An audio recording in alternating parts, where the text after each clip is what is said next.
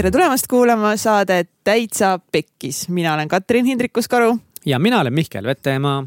ja meie Täitsa Pekkis saates me räägime erinevate põnevate ja edukate inimestega nende eludest ja asjadest, mis lähevad elus pekki ja miks nad pekki lähevad, kuidas nad pekki lähevad ja siis kuidas sellest kõigest võitjana välja tulla tänases saates on meil külas šokikunstnik ja spirituaalsel teel käija härrasmees nimega Toivo Freeman Pilt uh,. Mm. Toivo on rahulik, Toivo on segane, Toivo on hull, Toivo on väga äge. Crazy vend lihtsalt. nagu see vend on teinud läbi siukse transformatsiooni, et kohe nagu uh, uh. see on klassikaline uh. Toivo on pärit Saaremaalt, sündinud eh, tuhat üheksasada kaheksakümmend eh, küllaltki eh, keerulise lapsepõlvega härrasmees tema lapsepõlv mööduski siis kuskil baarides, sest tema kasuisa pidas baari. Ja sihuke baarid ja alkohol oli see, mida ta noorena nägi. ta leidis sihukese esimese ühe kutsumuse oma elus oli sõjaväes. kui ta teenis siis viis aastat, äh, issand, mereväes, ma nüüd ei mäleta, see oli, see oli nagu piirivalve mereväe, no mereväes igatahes. Yeah.. ja, ja kui see etapp tema elust läbi sai pärast viite aastat, siis ta kolis Aasiasse väga pikaks ajaks, millest siis saates rääkis erinevatest etappidest. aga see oli kaheksa aastat, oli siis põhimõtteliselt Aasias kokku pööraseid seiklusi, väga palju erinevaid ettevõtmisi, ta on oma olemuselt väga ettevõtlik inimene, kes proovib leida kogu aeg erinevaid viise, kuidas midagi püsti panna, kuidas raha teenida ja kindlasti ettevõtluse eesmärgid on see aja jooksul muutunud ja, aga me rääkisime nii palju tema Tai seiklustest ja need on, need on next level seiklused ja ta oli Tais mitte, kui me kujutame praegu Phuketit ette, siis on koht, kus käivad turistid ja kus on mõnus, aga kui tema seal oli, siis seal oli mingi umbes neli, neli eestlast ja olukord oli nagu hoopis teine ikka, korralikud prostituudid ja narkoäri ja. enne enne tegelikult enne siis Aasiasse minekut äh, avas ta Eestis päris mitu paari, osadel läks mingi aeg päris hästi, mõni ei tulnud välja ja kui ta nüüd tagasi tuli Aasiast ja leidis lõpuks oma kutsumuse reaalselt kunstnikuna, siis ta ongi teinud nii rõiva, jalatsi, valgusdisaini, ta on teinud kollaaže. mis see kollaaži ja mis see teine sõna oli, mille me segama ajasin, mis vahe on kollaažil ja mosaiigil, ta on teinud ka mosaiike. ta on, teda on peamiselt, ta on ise õppinud, aga väga palju juhendas teda sisekujundaja Soho fond, kelle ateljees siis ta mõnes mõttes alustas seda kõike ja kellega koos üks esimesi töid oli tal Manna La Rosa restorani sees sisustamine, et kes seal käinud on, see näeb üli crazy ja lahe välja. ja selline näeb ka Toivo ise välja jah, ja kui varasemalt siis, kui ta veel Eestis oli ja kui ta Tais elas, siis põhimõtteliselt iga päev oli ta alkoholijoobes ja ta tarvitas väga-väga palju alkoholi, siis nüüdseks on ta kaheksa aastat olnud kaine ja tegelenud eh, tai chi ja teraapiaga. täpselt nii ja Freeman, Freeman Art punkt Rocks on siis äh,, Rocks on tema lehekülg, kus näeb igast äh, lahedaid töid, mis ta teinud on, need on ülikreisid ja ülivinged. ja, nii et äh, pane follow meile Instagramis ja Facebookis ja jaga seda episoodi oma vähemalt ühe oma sõbraga, kui see sind inspireerib. Ja meil on käsil saja päeva challenge, täitsa pekis sada. Äh,. alguses ma olin üli nagu, okei okay,, mitte üli, aga ma olin ikka skeptiline, et teha mingit kuradi saja päeva challenge'it ja mingit hashtag'i, hashtag'id on surnud ja nii eile I hate hashtags, aga tegelikult on lahe, ma pean tunnistama, et, äh, et no ma arvasin, et okei okay,, et see on cool. no ise ma tahtsin väga teha challenge'it, aga et teid kaasa kutsuda, ma natukese põdesin. Aga ülipaljud on osa võtnud, äh, okei okay,, mitte ülipaljud, äh, paljud on osa võtnud meie challenge'ist ja see on meid hullult inspireerinud, sest me reaalselt praegu on kaheksateistkümnes päev sellest jaanuarist ja me oleme vist minul ühe korra, üks päev kogemata jäi vahele, mille ma kompenseerisin ja Kats, sul Going strong. täna päev kaheksateist, iga päev kell seitse ülesse ja siis toredad hommikurutiinid. nii et kui sa tahad ka osa võtta meie täitsa pekis sada väljakutsest, siis mine meie Instagrami lehele, vaata highlights'i või siis kuula Signe Ventseli episoodi ja ühine meiega. Let's do it, twenty twenty, best year. Best year, ongi, sest ma ütlen üheskoos ikkagi see, tegelikult see aitab, see social pressure ja oma eesmärkide ava, avamine teistele ja, ja ma ütlen, see ei pea suur asi olema, väike asi, mina mediteerin iga päev. super, tubli. head kuulamist. tere. tere. tere sihukese intro tegidki praegu sisse. ma olen, tulen suure energiaga sisse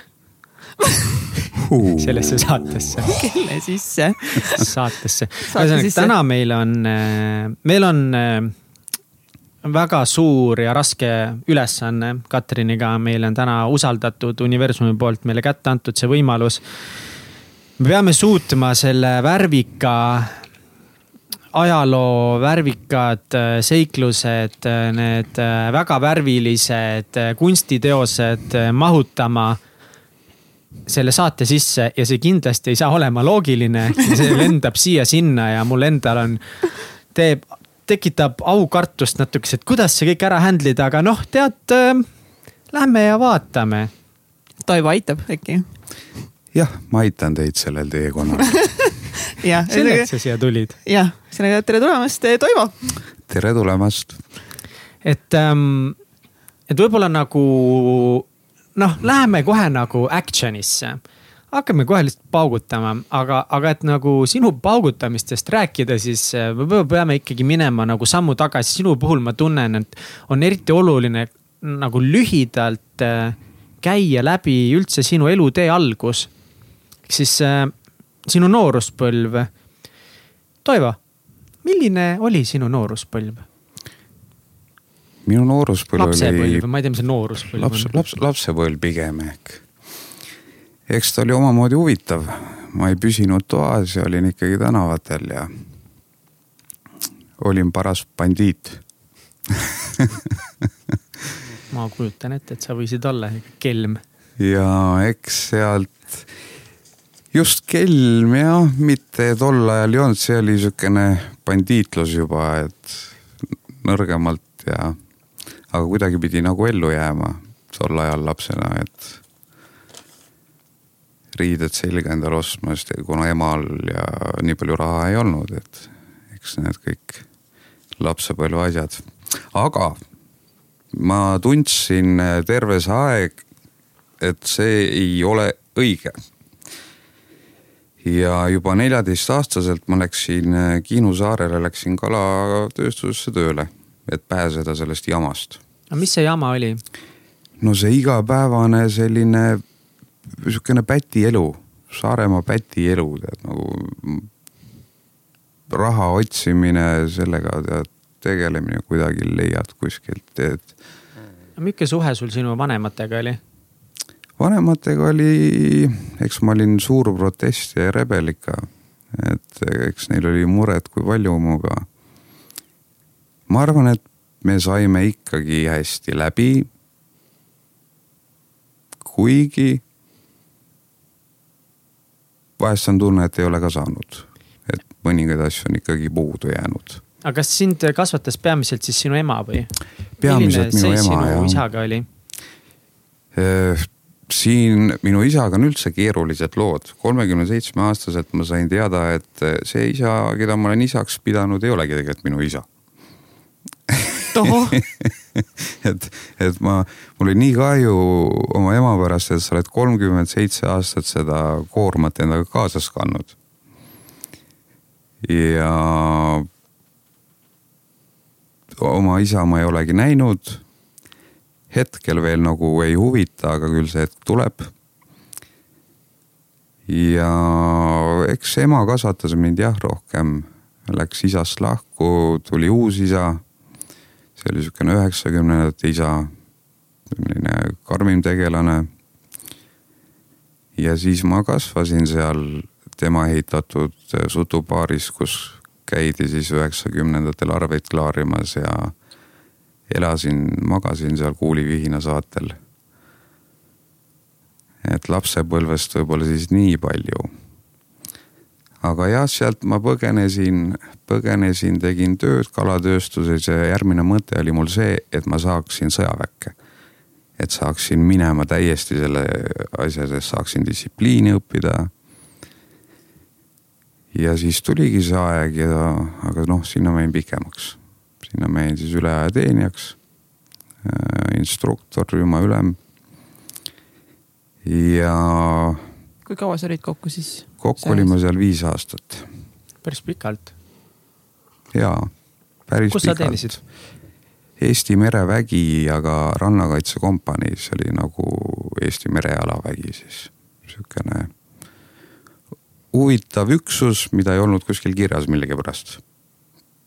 väga põnev. eks me pärast saime teada, et meie peal katsetati uut õppekava ja et, et siuksed. Aga võrreldes siis eh, sinu lapsepõlvega, kui sinu ümber nagu oli sihuke suhteliselt kaos ja sa pidid väga palju ise hakkama saama ja, ja ma saan nagu aru, et, et kui sa seal nii-öelda kasuisa kõrval baaris nagu ümber, üles kasvasid, eks seal oli palju alkoholi just. baarielu, kõik see, mis ei ole võib-olla ühe lapse koht mm, -hmm. siis kas sõjaväes oli pigem selline nagu hästi struktureeritud ja kuidagi mõtestatud elu sul selleks ajaks? Et nagu distsipliin, sul on selged ülesanded või, või kuidas see elu sinu jaoks oli siis? Äh, ma otsisingi distsipliini elus, et äh, mis asi see on? ma ei teadnud seda. ja ma hakkasin alluma ilusasti. sest ma sain aru, et seal tuleb alluda, meid tambitakse ühesugusteks ja siis hakatakse üles ehitama. ja ma läksin sellega kaasa, kuna ma läksin sinna vabatahtlikult. Siis mul ei olnud selle vastu mitte midagi. sealt ma sain distsipliini ja väga tugeva ja väga palju kogemusi, mis on mind elus edasi viinud mis viivad mind kunstis edasi, no üleüldse. see põhineb, ütleme sellised saja kahekümne kilomeetrised rännakud. jäätunud teedel, külm, miinus kümme. ja sa käid mööda seda teed, sa hullud küll juba jah, aga kuhu sa hullud? inimene ei lähe nii kergelt hulluks. ja sa käid selle lõpuni. ja siis sa tead hiljem elus, kui sul on raskeid momente sa tead, see lõpeb mingi hetk ära ju. sa oled selle piina, oled läbi elanud juba mm. -hmm. ja samamoodi siis ka mingisuguste tööde teostamisel, sisekujundustööde ja nii edasi, sa viid alati asja lõpuni. Tänu mhm. sellele ka. viimine on üks ja, väga ja. tugev. aga mis sa tollel ajal mõtlesid, et kes sinust saab või mis edasi, mis sa, mis mõtted sul olid peas? mul olid mõtted peas jääda ikkagi sõjaväelaseks. jah? ja ma ei osanud nagu, see oligi tegelikult, ma arvan, selline põgenemine selle reaalsuse eest.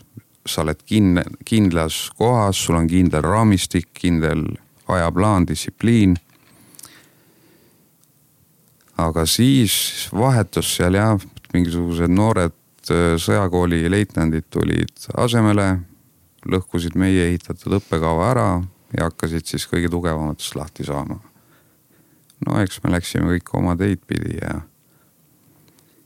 aga peale seda, mis ma, ma elasin Küprosel mingit aega ja siis ma tulin tagasi.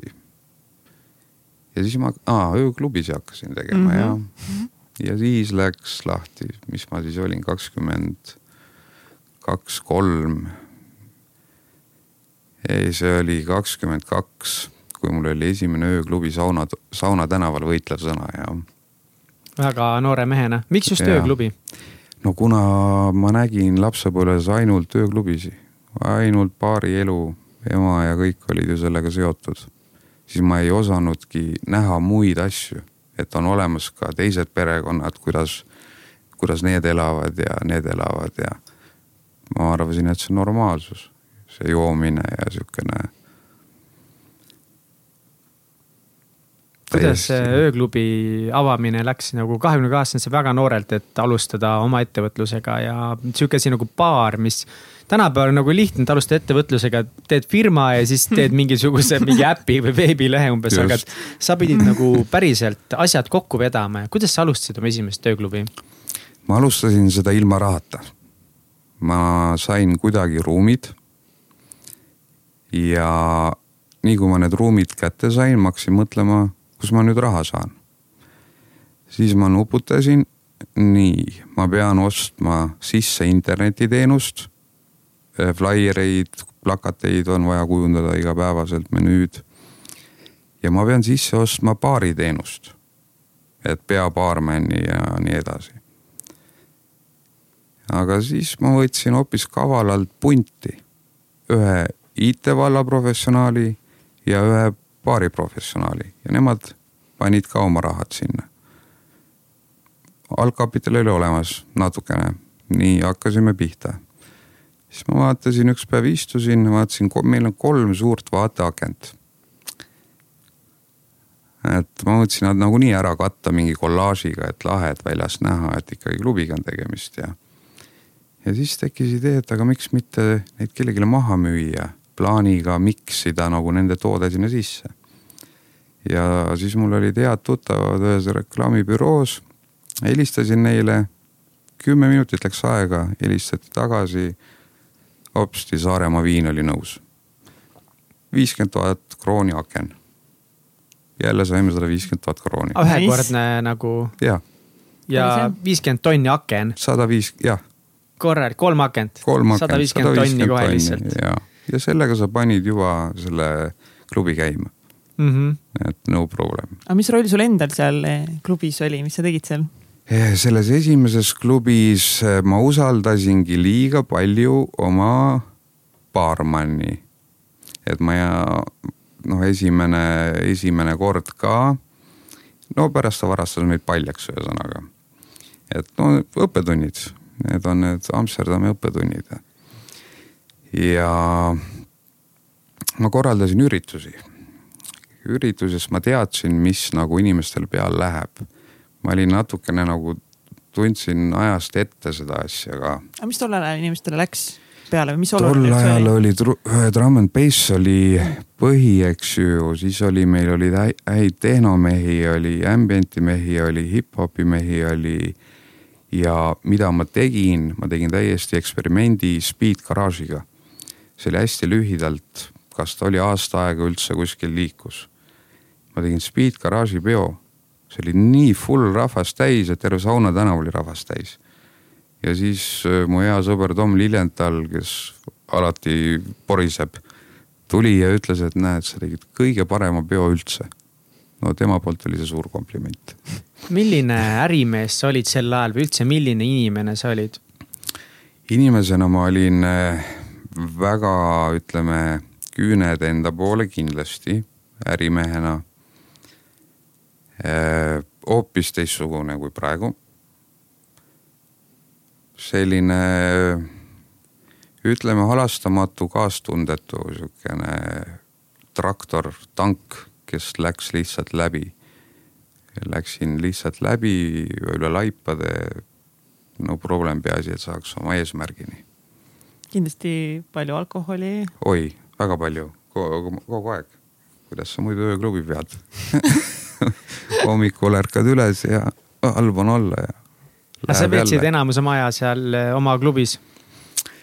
jah, ma veetsin, kuna oli, tol ajal varastati väga palju siis ma olin kogu aeg, seisin seal baarileti ääre peal, vaatasin, kuidas raha liigub, tegin äkkinventuure, ise olin juua täis midagi aru ei saanud. ja nii olid, tekkisid hoopis kassa ülejäägid. et. aga kas sa ütleksid, et, ähm, et nagu sinu sees siis oli nagu mingisugune viha või raev või? jah, seal sees nüüd, kui ma olen tegelenud endaga pea kaheksa aastat, et äh, nüüd ma saan aru, mis raev ja ema vihkamine ja ema puudus ja kõik see seal oli ja. ja see, et sa nägid suured poisid, sa tegid nende järgi, sind kiusati, said peksa, kasvasid suuremaks, tegid nii.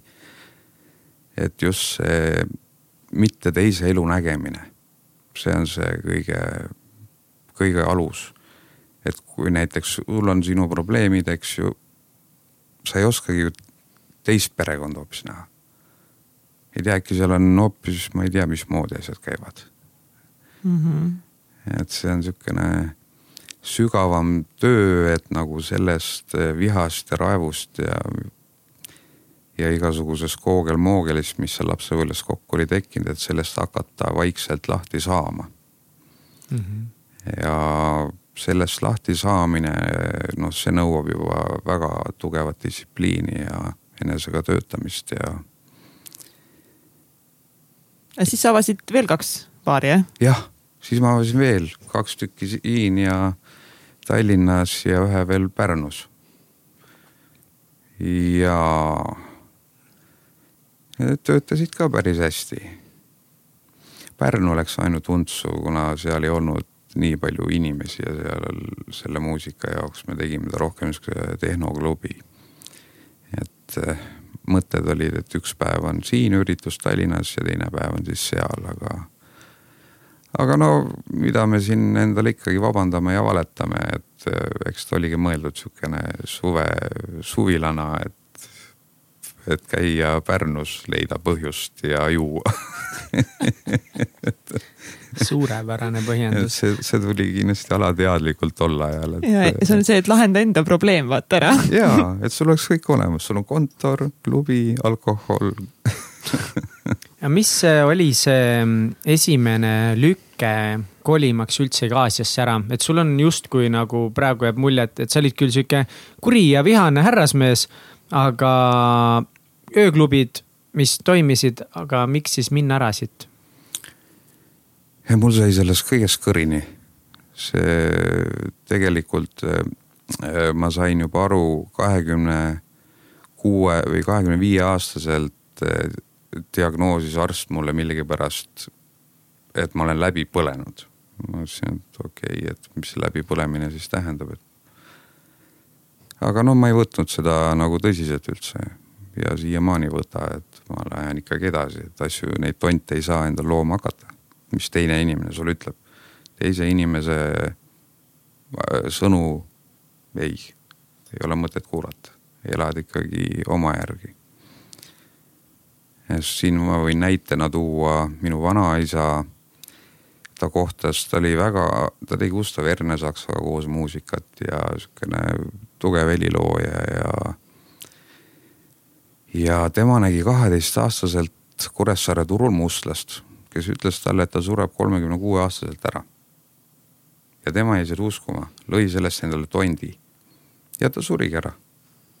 aga ta tegi eluaeg iga päev nii palju tööd, et saaks nagu kõik selle elutöö ära teha. et ei tohi uskuma jääda seda. muidu sa eladki iga päev, programmeerid oma sisse, ma surengi nüüd kolmkümmend kuus mhm. kui ma vaatan, see mikrofon on sul näost suht kaugel E-Chart, kas saad aidata või? oota, ma panen nina ligema E-Chart on lihtsalt mingi täiesti pohhu rääkige edasi, mis te siin seletate, kuuleb nii. küll midagi. Aga kas siis, kas need ööklubid läksid siis äh, nagu kinni, kui sa kolisid Taisse või mis nendest äh, sai? Üks jäi poolikuks ja sealt nagu tuligi välja sihukene eestlase siis õige eestlase sõbra nagu õige olemus et eh, tuldi ilusti lennujaama saatma. ja nädala aja pärast tuli meil, et me arvame su ööklubist välja. et eh, ütlesin okei okay,, üks äri vähem. aga see oli jah sihukene väga naljakas, et kuidas, kuidas inimesed niimoodi käituvad. aga noh, ega mina sellest ninanorgu ei lasknud aga samas ma mõtlen, et nagu sa ütlesid, et sa olid sihuke küüned enda poole, et nagu mõnes mõttes, kas, kas sina oleks nagu sama teinud kuidagi või tol ajal? nii alatult ma ei oleks teinud. kindlasti mitte, ma austasin ikkagi kokkuleppeid. et, et sihukest vanakooli mm. -hmm. et sihukene libe selline ärasaatmine ja sõbra mängimine veel ja miks, miks mitte öelda otse silmadesse, et näe ei julgenud öelda sulle? ei julgenud öelda mm, -hmm. nad teadsid, et ma niipea tagasi ei tule ja et no aga ega nad ei saanud ilma minuta hakkama ja see läks neil untsu. aga sa läksid äh, Aasiasse koos Triinuga? ma läksin koos Triinuga ikka ja me olime abiellunud siis just. kas te olite abiellusite Eestis või? Triin tuleb siis. me abiellusime Sri Lankal ja Eestis oli meil siis suur pulmapidu mm. -hmm. et seal oli sihukene Beach'i pulm elevantide ja pärismaalastega ja. ja ma olen siin mingeid artikleid sellest kuskilt lugenud, aga kas selles, kas selles suhtes sa olid õnnelik? ma arvan, et äh, ma olin, ma olin juua täis. ma olin õnnelik. me olime mõlemad ühesugused. tead, tol ajal sa ei osanud äh, nagu, nagu sa ei teadvustanud endale, mis asi on see armastus, mis asi on üldse need tunded et me olime mõlemad rock n roll, kaks rock n rolli kokku on suurem rock n roll. ja ega me päris täpselt kõike läbi ka ei mõelnud ja. aga nüüd oleme suuremaks kõik kasvanud ja loodan, et Triinul läheb hästi ja. Et see oli jah, sihukene rock n rolli aeg meil. ja kuidas sa nagu kirjeldaksid äh, teie suhet peale selle, et üks suur rock n roll oli? kirjeldaksingi rock n roll. mis plaanid teil siis Aasias olid, kas teil oli nagu mingi plaan ees, et inimest välja vaadata, kuhu te lähete, mis te täpselt teete, kellega te hakkate äri ajama või pigem see oli, et mingi lähme vaatame, mis saab äh,? Üks sõber oli meil seal ees. aga alguses mõtlesime ja, et vaatame mulle meeldib alati sulanduda erinevatesse keskkondadesse. ja et sulandume sisse, vaatame, mis toimub ja siis tuleb kindlasti hakata millegi raha teenima. aga noh, see sissesulandumine käib ikkagi läbi alkoholi jälle ja, ja nüüd me jõuamegi sinna Tai aega, mis, kus te kuulete päris crazy sid Eh, lugusid, mida Toivo seal kõik korda eh, saatis ja, ja ei saatnud, et eh, mis te siis tegite, te hakkasite seal ka erinevaid mingeid baare pidama või keegi räägis siin, et mingi kasiino kuskil laev pandi püsti, aga Toivo keeldub seda fakti kinnitamast, aga tema silmadest võib lugeda välja, et mul on õigus.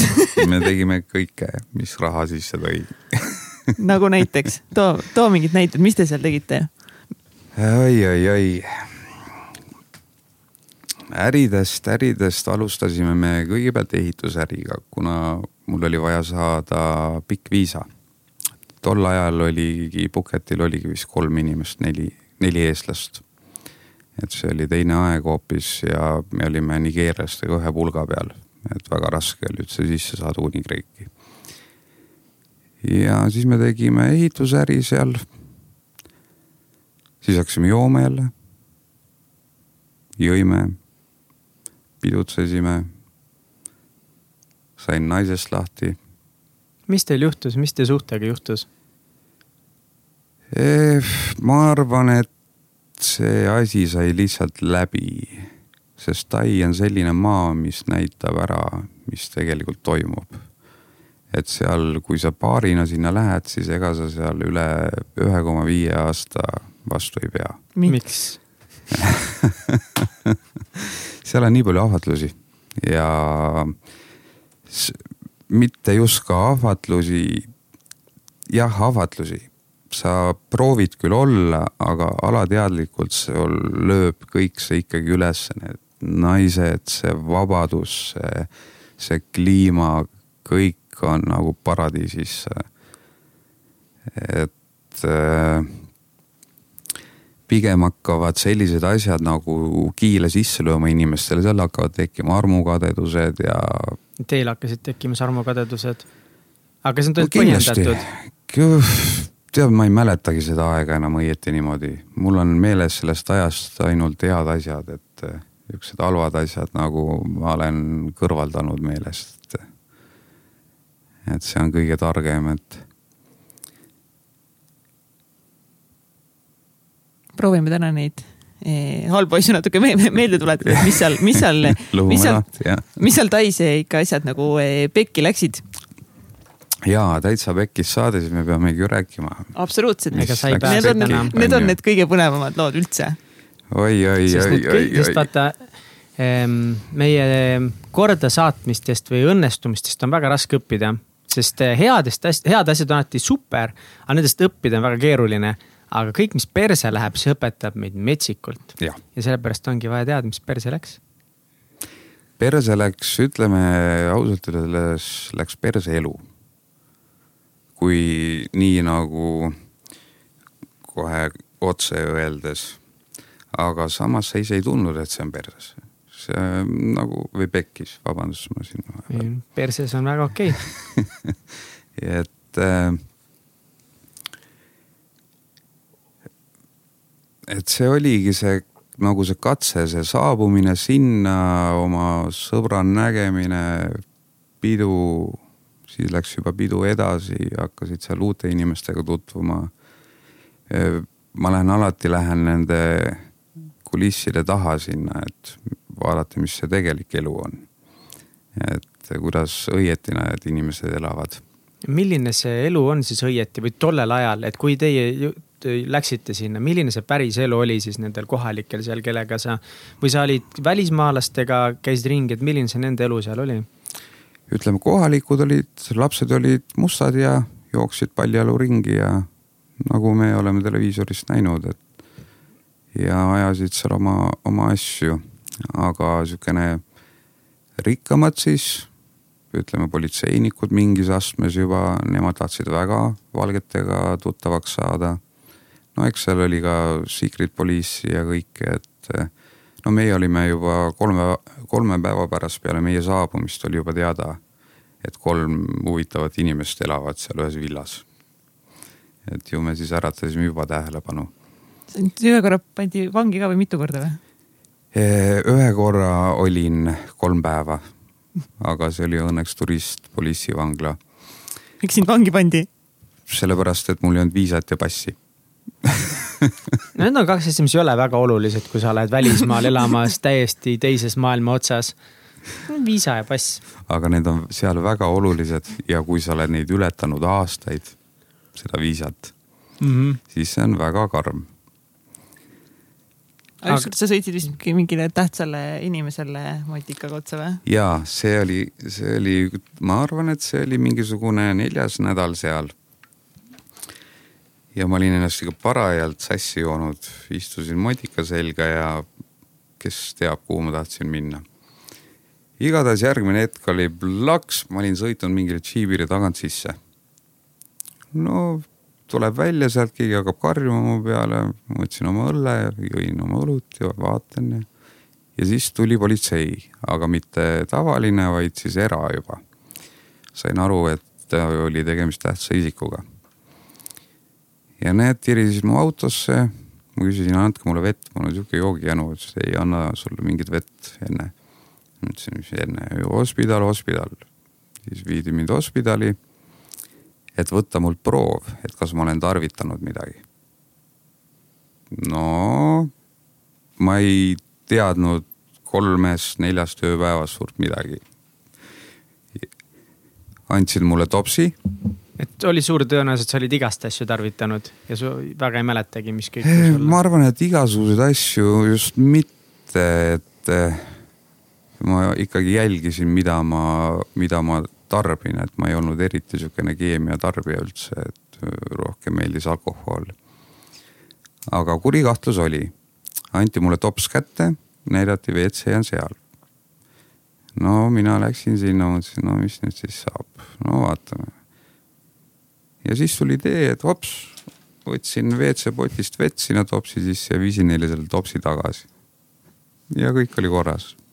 No nad tegid selle kiirtesteriga lihtsalt vaatasid. kiirtester lihtsalt näitab, et kas jah või ei nii-öelda ja, ja., ja. ja kuna see oli vesi, siis no ei. siis oli nagu rahu majas aga ma siis mind on.... nii halb test ja, et ta üldse üksi lasti sinna kuskile WC-sse niimoodi onju. tavaliselt seisavad kõrval. aga siis topiti mind jälle autosse ja sõidame Šalonki politseijaoskonda tagasi. mõtlesin, mis nad nüüd siis minuga teevad. Lähen autost välja, vaatan, mul on sõbrad nurga taga ja näitavad käega, et tule ära, tule ära. mõtlesin, nalja teete, et kuidas ma sealt ära tulen. ja siis tuli nurga taga sihuke sirge seljaga politseikapten. ja siis ma juba sain aru, liikusin sinnapoole, surus kätt mul ja läks nendega rääkima. ja meie läksime lihtsalt minema sest see oli meie, meie enda nagu nii-öelda katus siis. et mina teda veel ei tundnud. Ja see nali läks maksma jah, talle kümme tuhat pahti. no mis ta siis oli, kolm tuhat krooni, kakssada eurot. et selle eest osteti mind siis välja. et muidu nad oleks kindlasti hakanud minuga seal mingisuguseid asju tegema, et mm. et kerge on seal vangi sattuda, et mm. astud kuninga või noh, raha peale, kus on kuninga pilt ja juba sa istud seal viis aastat. Aga sa vist tõmbasid korralikult nagu seiklusi endale seal kogu aeg ligi või? oi, ma tõmbasin, ma tõmbasin endale välimusega. tol hetkel ma olin jah ennast nii üles pumbanud, et ja tätoveeringud ja need omasugused tõmbavad omasuguseid. et seal ma tutvusin seal võõrlegionääridega ja Vene mingis Vene armee põgenikega ja kes olid SAS-i mehed Inglismaalt ja kõik olid oma looga kuskilt põgenenud. aga et, et sellest sinu loost ikkagi paremini nagu aru saada, et, et võib-olla sa selle all nagu otsisidki üldse veel elu mõtet võib-olla rohkem või, aga nagu ma tahaks ikka natukese aru saada, et, et mis sul see et kui sa seal olid need esimesed aastad võib-olla, et mis see nagu eesmärk või, või, või mingisugune missioon oli või mida sa otsisid elult? Ma ei teadnud, mida ma otsisin. ma lihtsalt, ma ei teadnud isegi, kas ma otsisin. ei otsinudki. sest tol hetkel äh, ma vaatasin õhtuti peeglisse ja ma ei saanud aru, kes see inimene on, sest ta oli nii purjus. et ma ei osanud nagu seda seda mõtet mõelda, see tuli natukene hiljem, hakkasin mõtlema. sest ma hakkasin seal juba kuidagi kokku panema neid jooni, kuidas see asi siin jookseb, et mis toimub. Sest ma olin endale lubaduse andnud, et eh, kui mul naisega ka midagi untsu läheb, et siis ma lähen mägedesse hiinameditsiini õppima. aga no, nagu ikka, sinna tuli jälle õlu vahele see, see lükkus miks, edasi miks need nagu, miks need, see, see sinu see nii-öelda see põhjust nende asjade taga, mis sa seal tegid ja mis need konkreetsed asjad on, mis sa seal tegid. miks need on olulised, on sellepärast, et, et tõeliselt nagu näidata seda, kui palju tegelikult inimene võib muutuda, sest see inimene, kes sa täna oled versus äh, need seiklused, mis sul selja taga on vahepeal on nagu väga raske uskuda, et need on samad inimesed mm. -hmm. ja kui me sinuga esimest korda kohtusime seal äh, Manna La Rosa baaris, sa olid niivõrd soe, niivõrd mm -hmm. meeldiv, inimesed tulid sisse sellise rahu ja mm -hmm. auraga sa istusid maha meiega ja vaatasime, oo jaa, et näed, siin mina olen kunsti teinud. Manna La Rosa, kui te ei tea, siis on kõik tema poolt disainitud, sest et, et see on Mitte lihtsalt. kõik, see, me oleme Soho fondiga koostöös teinud selle vabandust minu viga, minu silmis. fond oli seal juhendaja okei andsid oma panust sinna, et, et seda on lihtsalt nii raske nagu mm. uskuda või et see on nii võimas lugu, mis võiks nii tugevalt inspireerida teisi, et me nagu, ma näen nii palju inimesed, kellel on see programm pähe mm -hmm. kirjutatud, et mina olen selliseks loodud. see on see kast, ma saan seda kasti natukese ma võin seda kasti natukese nagu mm -hmm. lükata veidi kumeramaks, aga ma olen siin kasti sees kinni mm. -hmm. aga sina nagu täielikult hävitasid selle kasti, milles ümber sa olid ja sellepärast ongi eriti nagu põnev kuulata, et nagu, kes sa siis olid? siis seal, seal olles ma muutusin jälle bandiidiks. et äh, jah, see oli sul päris sihukene huvitav küsimus. ja kes ma seal siis olin? ma olin mitteteadlik eh, tegelane, kes ainult protestis ja otsis teravusi. et iga päev oleks põnev, et leiaks mingit action'it kuskilt. sest sa olid sellega nii ära harjunud juba. mul ei olnud enam mitte midagi kaotada tegid absoluutselt kõike ja sul ei olnud hirmu, see oligi see hirmuta elamine tekkis. aga see läks ka igavaks, aina, aina rohkem teravusi otsisid, otsisid, otsisid.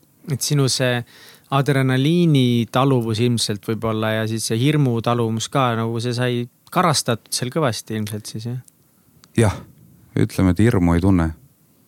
see on, uh, ma tunnen nii paljude asjade üle hirmu, ma kardan täiega surma saada näiteks, see tundub jumala hirmus see on jumala normaalne teekond ju. seda küll jah, aga, aga räägi neid äh, lugusid seal, mis kõige rohkem äh, kasvatasid sinu seda hirmu taluvuspiiri kõige rohkem, ütleme, esimene selline hullem asi, mille pärast ma pidin ka põgenema Puketilt pärast, oli see, et ma panin ühe rastapaari põlema oma suures vihas ja raevus. kuna see rastapaari omanik äh, ähvardas mind ära tappa. aga mina läksin, panin oma sõduri vormi selga ja saaped jalga ja matšeeted vööle ja pudelitäie bensiini ja oota, aga mik, miks sa tahtsid põlema panna seda paari? Miks ta Selle... tahtis sind ära tappa?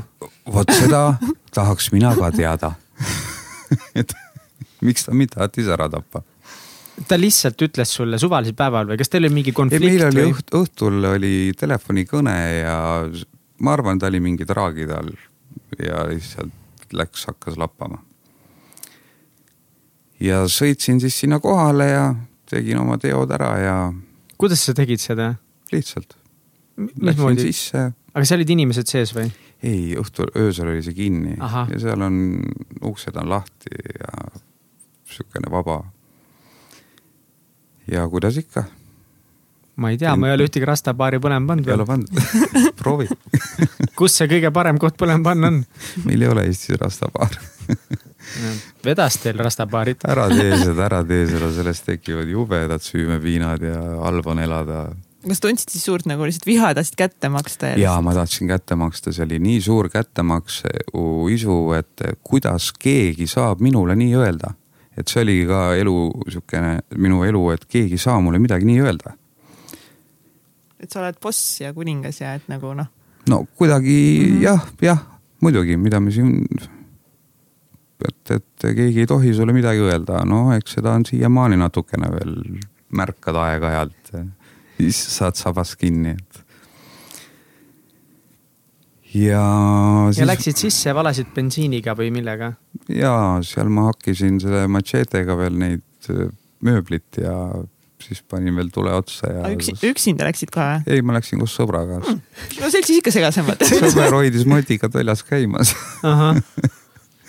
ja no me olime lihtsalt nii kõvaks ennast juba joonud, et äh, me ei andnud endale aru, mida me teeme enam. et see on nagu terav asi, davai, teeme selle ära mm. -hmm. ja elus nagu harjunud ka kogu aeg sellega ja.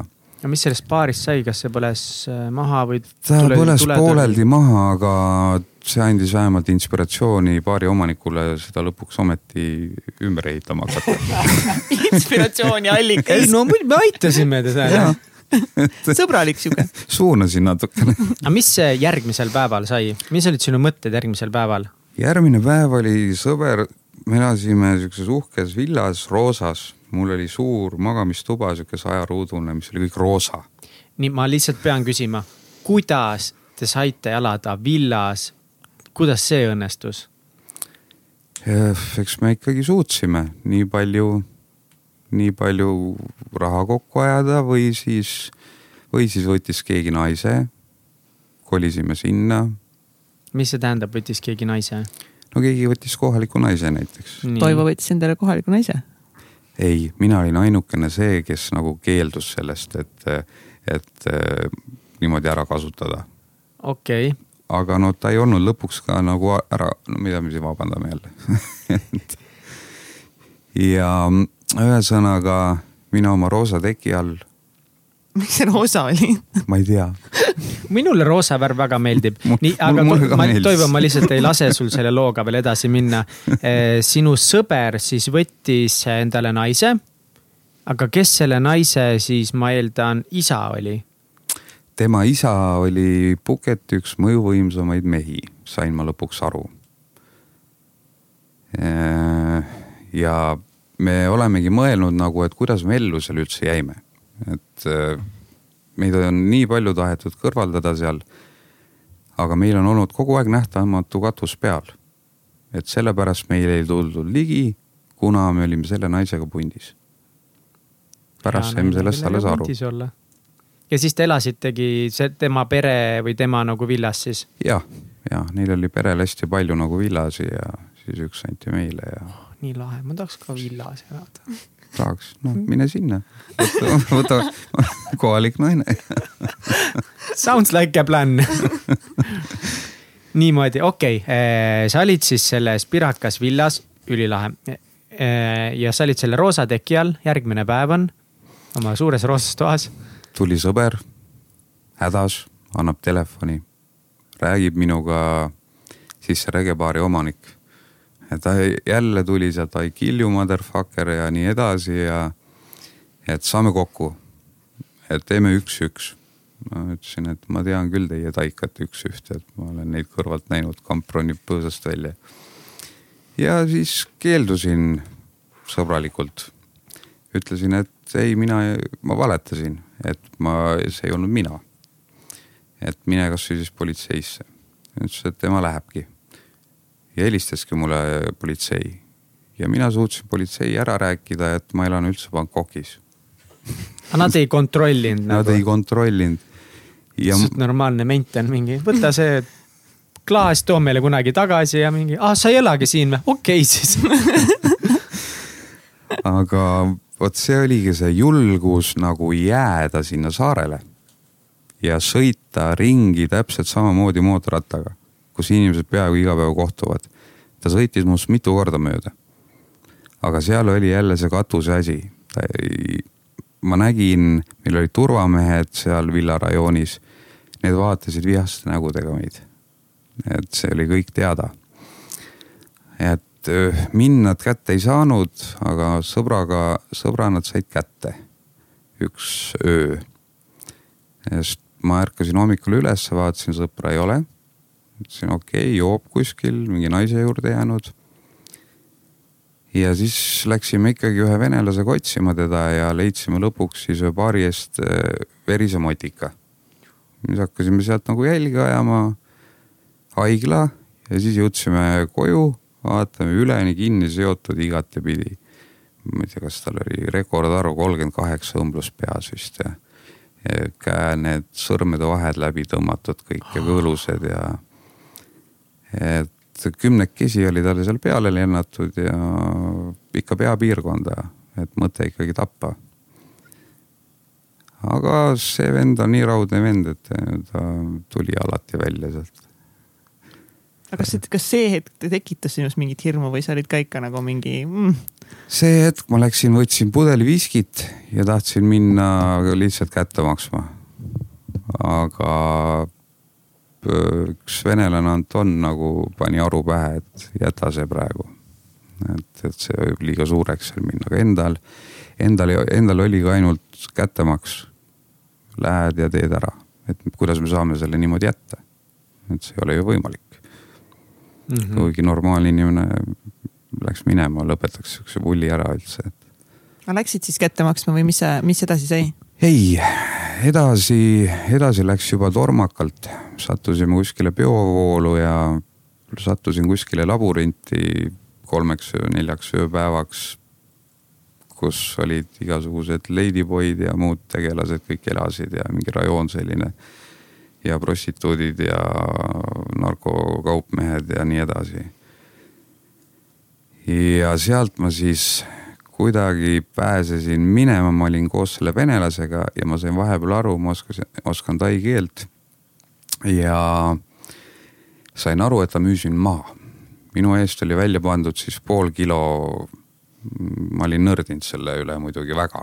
pool kilo mida? marihuaanat. ma olin väga nördinud ma lootsin. nii vähe? aga miks, kellele, miks? Minu vasaku käe eest. Et kes toob minu vasaku käe neile. kellele neile? sellele baari omanikule ja Aa, tema kundile. seesama rastabaari omaniku just, tüüp just, ikkagi nagu just. tema ikka ajas oma asja veel. tema ajas ta... asja teistmoodi edasi mm. -hmm. ja ma sain aru, et mind müüdi seal maha.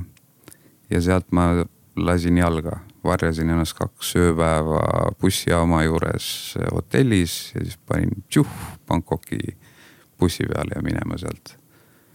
Ja seal läks tuliseks. ja nüüd siis tundsid, et nüüd peaks põgenema nagu siit vähemalt. ja see oli Phuketis siis? see oli mhm. Phuketil siis. aga kas sa pärast seda läksid tagasi ka veel Phuketisse või? Phuketile ma rohkem ei ole tagasi läinud.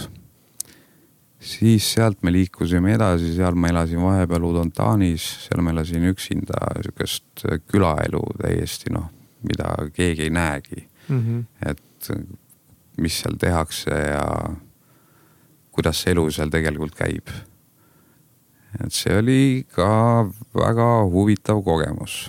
no mis, mis seal tehakse? aga enne korra, kui sa räägid, mis seal tehakse, kas kuidagi nagu ühe-kahe lause korra kokku võtta huvi pärast, missuguseid ärisid või töökohtasid sa Phuketis elatud aja jooksul pidasid? oi, oi, oi, ma räägiks võib-olla jah, me tegime, pidasime klubi, mis oli siis triimaraan, sõitis mere peal. kasiino trallallaa see oli siis laeva peal? see oli triimaraan, tal on kolm sellist pompooni all ja siis oli ühe itaallase poolt eh, disainitud sihukene ümmargune saal. a la ka sada kakskümmend ruutu või sihuke. palju sinna inimesi peale mahtus? seal oli kõige rohkem meil peal kaheksakümmend. no ikka päris palju. jah, me ehitasime katusele veel rõdud ja see läks aina sihuke mugavamaks ja mõnusamaks ja see oli nagu lahe aga noh, kasiinodest nii palju, et eks seal neid kasiinosi on igas, igas seal väikses slummis. ja ma olen näinud, kuidas see süsteem seal töötab. see oli väga huvitav. kõik istuvad kuskil plekkputkas maas, ka on kuskil väiksed laburendid, väiksed soid. Ja panevad oma panuseid, aga diiler paneb igast panusest kõrvalkarpi mingi osa ja järsku läheb kisa lahti. tuli sisse üks tegelane, talle anti karp. oli siis poliisihaarang ja see karp viidi poliisile. see tehti tühjaks, tühi karp tuli tagasi. et katust maksti alati, kõike võisid teha, aga maksa või jaga. Ja nii-öelda jah, mis mis seal kõik seal kirjutatud ja tehtud must veel on, et eh, maffia on seal, eh, ütleme, iga perekond, kes hoiab kokku, kes on, ütleme siis sihukene kõrgklassim. et ja, ja põhimaffia on seal ikkagi politsei mm. -hmm. et eh, tätoveeritud on seal siis politsei, maffia ja vangid. Ja nende kolmega siis ei tasu jamada või? ei, tasub ikka jamada no kui sa oled sina võib-olla, kui sa oled mina, siis eh, ma naeratan, annan palju raha, jooksen minema ei, sul läheb lihtsalt, kui sa tahad seal midagi ajama hakata, sul läheb kauem aega. aga kui sa lähed otse politseikapteni juurde, julgelt tutvustad ennast, siis sa ei oota õhtul juba rummi koos ja kas see laevapeoäri lõppes kuidagi äkiliselt või lihtsalt see sai kuidagi läbi? Eh, hooaeg sai läbi, siis me hakkasime sõitma Kata randa ja Kata nagu pealikuga oli kõik kokku lepitud, kinni makstud, et me võime nagu seal nende vetes olla ja turiste peale võtta. nii kui me Kata rannast mingisugune viissada meetrit jõudsime, siis tulid longtail paadid ja Kalasnikovidega ütlesid, et kohe keerake ots ringi või me laseme teil need pompoonid läbi sinna. Et see oli mingi nende rand või midagi? see oli nende rand jah, et nende business. Okay. ja me lõime kulpi ja läksime minema, arusaadav, täiesti. selge pilt. Et selle, ei, sellega see veel ei lõppenud, me läksime, me läksime ikka tagasi muidugi. Ja, ja, ja siis juhtus seal selline asi, et meil oli pundis oli üks prantslane veel, ta oli õudne koi, no nagu prantslased ikka. ma ei tea, kas kõik need, keda mina olen. ja äh, ta ei tahtnud tingit, no tingi on see paat, väikene paat, kuhu seal neli, viis, kuus, seitse inimest peale läheb.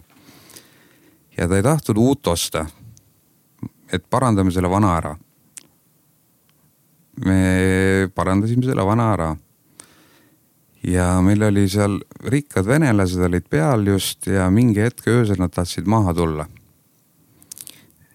ja nad ronisid sinna väiksesse tingisse. Nad jõudsid, nad jõudsid ka mingisugune kolmsada meetrit kaist ja siis sellel tingil vajus lihtsalt põhi alt ära. kõik läks, mobiiltelefonid, kõik, kõik, kõik, nad jäid sinna peale rippuma wow.. aga seal on DOT litsents kakssada tuhat. Et kui midagi juhtub, siis sa lihtsalt kaotad selle litsentsi ja. aga sõbrad läksid sellega veel edasi kuskile BP poole ja mina ei hakanud sellega enam tegemist tegema. mul olid uued väljavaated siis juba. mis olid siin uued väljavaated? uued väljavaated olid meil need, et eh, teha hamburgeri kiosk. sest see on. ma lihtsalt pean ütlema, et sa oled äärmiselt ettevõtlik inimene. sinul on selline sisemine põlemine tegutseda on väga võimas. jah, kuna ma olen üheksakümnendate lapsena näinud, kuidas hamburgeriga rikkaks saadakse ka nii, ja kuidas teie proovisite hamburgeri rikkaks saada? Eh, seal on eh, kohalikudel on salengid, on siis mootorrattad, mille külge on keevitatud ääred või see nagu kõrvalkäru koos katusega, kus nad müüvad siis kana ja muid tooteid. aga meie tegime, panime sinna grilli ja fritüüri ja ilusa oranži katuse ja ümber, ümbert oranžilt ja ja ma hakkasin iga hommik kotlette tegema, tegin sada kotletti valmis, Taikas läks müüma, sest kohalik ei tohti või valge ei tohtinud müüa seal. Et sa ise ei saanud selle motikaga ringi sõita, sul ei. oli vaja keegi leida, kes sõidab? ja mm, -hmm. ja, ja tema siis sõitis ringi päev läbi? tema sõitis ringi, müüs need kõik maha ja, ja niimoodi iga hommik. kuni siis jälle läks mingisuguse sõbra armukeste vahel tüliks ja mis see tähendab, kuidas see mõjutas teie hamburgeriäri? see mõjutas seda, et, et see, kes äh, nagu müüs neid, äh, tema oli ühe selle armukese vend. Ja siis keelati tal ära meie aitamine. aga kedagi teist ei olnud võimalik leida? oli küll, aga meil kuidagi jooksis see kett maha ja raha oli jälle kogunenud ja jõudsime jälle juua tükk aega. et kui raha palju rohkem kätte kogunes, siis hakkasid kohe rohkem pidutsema ka? jah, niimoodi ta oli. mis oli äh, veel olnud... mõni äh, äri või töökoht, mida sa tegid Phuketis? Oh, seal sai tehtud veel mööblid Chiang Mai'st toodud ja. ega suurt rohkem seal midagi. aa, üks huvitav asi oli, me tahtsime seal Elkurite kampaaniat läbi suruda kuna, kuna meil oli li.... see on nii ootamatu pööre praegu nagu nii armas ja järsku vastutustundlik, helkurite kampaaniat et äh, meil oli ligipääs peaministrile tollasele ja no seal vahetus peaministriga paari kuu tagant ja eh, tutvustasime talle siis seda Eesti Helkuri kampaaniat, näitasime videot, ta vaatas seda ja noh, seal on suremus väga kõrge, et laipu nägid iga päev mitmeid tänavatel seal. Eh, motikaõnnetused, pime, pime aeg ka. ja vaatas seda ja ta sai sellest kohe aru. me tellisime näidised, asjad, kokkusaamised, arvutasime juba kokku kaheksa miljonit inimest, super. motikatele asjadele kõigile, et saame miljonäriks, saame jälle tükk aega pidutseda siis vaatame edasi või endale uue passi osta või midagi aga see asi läks jälle, jäi selle peaministri vahetuse taha. Nii et jälle tehti mingisugune jama seal. aga no kui see oleks läbi läinud, see oleks olnud üks parimaid, parimaid lakse. paneme aastad ka juurde praegu sellesse, just praegu tuli meelde, me oleme natukese mm -hmm. aastaks juuretanud, mis aastal sa see, läksid? see võis olla see aasta aasta kaks tuhat viis ja ütleme täiesti tagasi siis kaks tuhat kaksteist, jah, seitse-kaheksa aastat. Oh sa wow. ja mis, millal sa Pucketist äh, minema panid? kas ta võis olla kaks tuhat seitse? umbes kaks aastat olid sa? jaa, midagi sellist. okei okay,, aga sa hakkasidki rääkima siis sellest, et äh, mis selle koha nimi oli, kuhu sealt edasi läksid? Äh, edasi ma läksin Bangkokist, läksin jah Udontanisse sinna külla elama. aga mul oli seal üks pruut ja selle pruudi isa oli linnapea. Selle te, kohaliku ku,.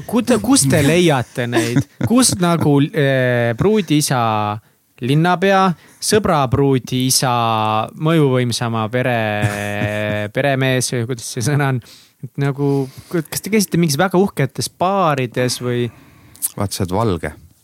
ja, ja kui, me... sa, kui sa näed teistmoodi välja mm., tätoveeringud, ehted mm, -hmm. midagi sellist ja sa oled julge.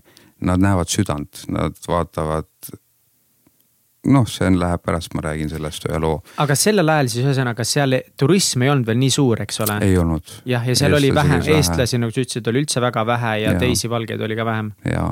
okei okay.. et sa olid ikkagi valge ja kui sa olid tõesti natukene erilisem, siis näiteks Batongi linnapea imbus ise klubis mu juurde. saime sõbraks temaga. Secret Police'id on ise imbunud, tutvustanud ennast, oh, saame mhm. sõpradeks mm et neid huvitavad ka huvitavad inimesed, nad ei ole siuksed äh, kuivad ja kartlikud ja. palju sul tätoveeringuid tollal oli? no ikka oli ikka kõvasti. ikka kõvasti, põhimõtteliselt ongi, et seda pilti ette luua, siis sa olid sihuke suur no, põkk. suur, suur valge põkk tätoveeringuid täis, et see jääb seal ilma ja, ja nende kõrval sa olid kindlasti väga pikk veel. ja, ja mm. -hmm ja kui sa nendega veel head juttu ka räägid ja mingit ärist hakkad rääkima, siis oleme õhtul juba kuskil lehtlas, neil on, neil meeldivad lehtlad, sellised pingid ja asjad ja siis sa oled juba nende sõber. ja siis on sul kõik korras, võid kõike teha kas seal külas juhtus ka midagi väga pöörast või järgmine siuksed highlight'id olid rohkem Bangkokist? no seal ma nägin seda linnapeade valimist, kuidas enam teda linnapeaks ei valitud, sõjavägi marssis sisse, seal oli punaste ja kollaste vahel sõda just. see oli see, mille kohta sa andsid ka intervjuu Buduaaris kunagi, sellest Crazy'st tööst, kui siis seal tekkis põhimõtteliselt linnas väike kodusõda siis. et ja. politsei ja sõjavägi tuli sisse ja rahutuste.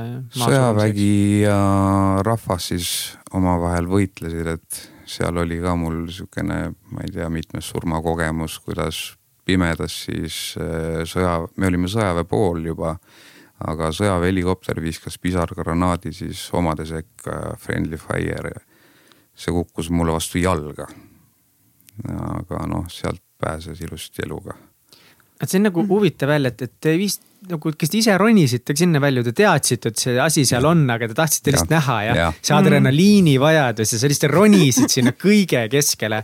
ja, ja see on, see on hullult lahe lugu, aga kuna meil on nii piiratud aeg, siis tegelikult mhm. see artikkel seal on.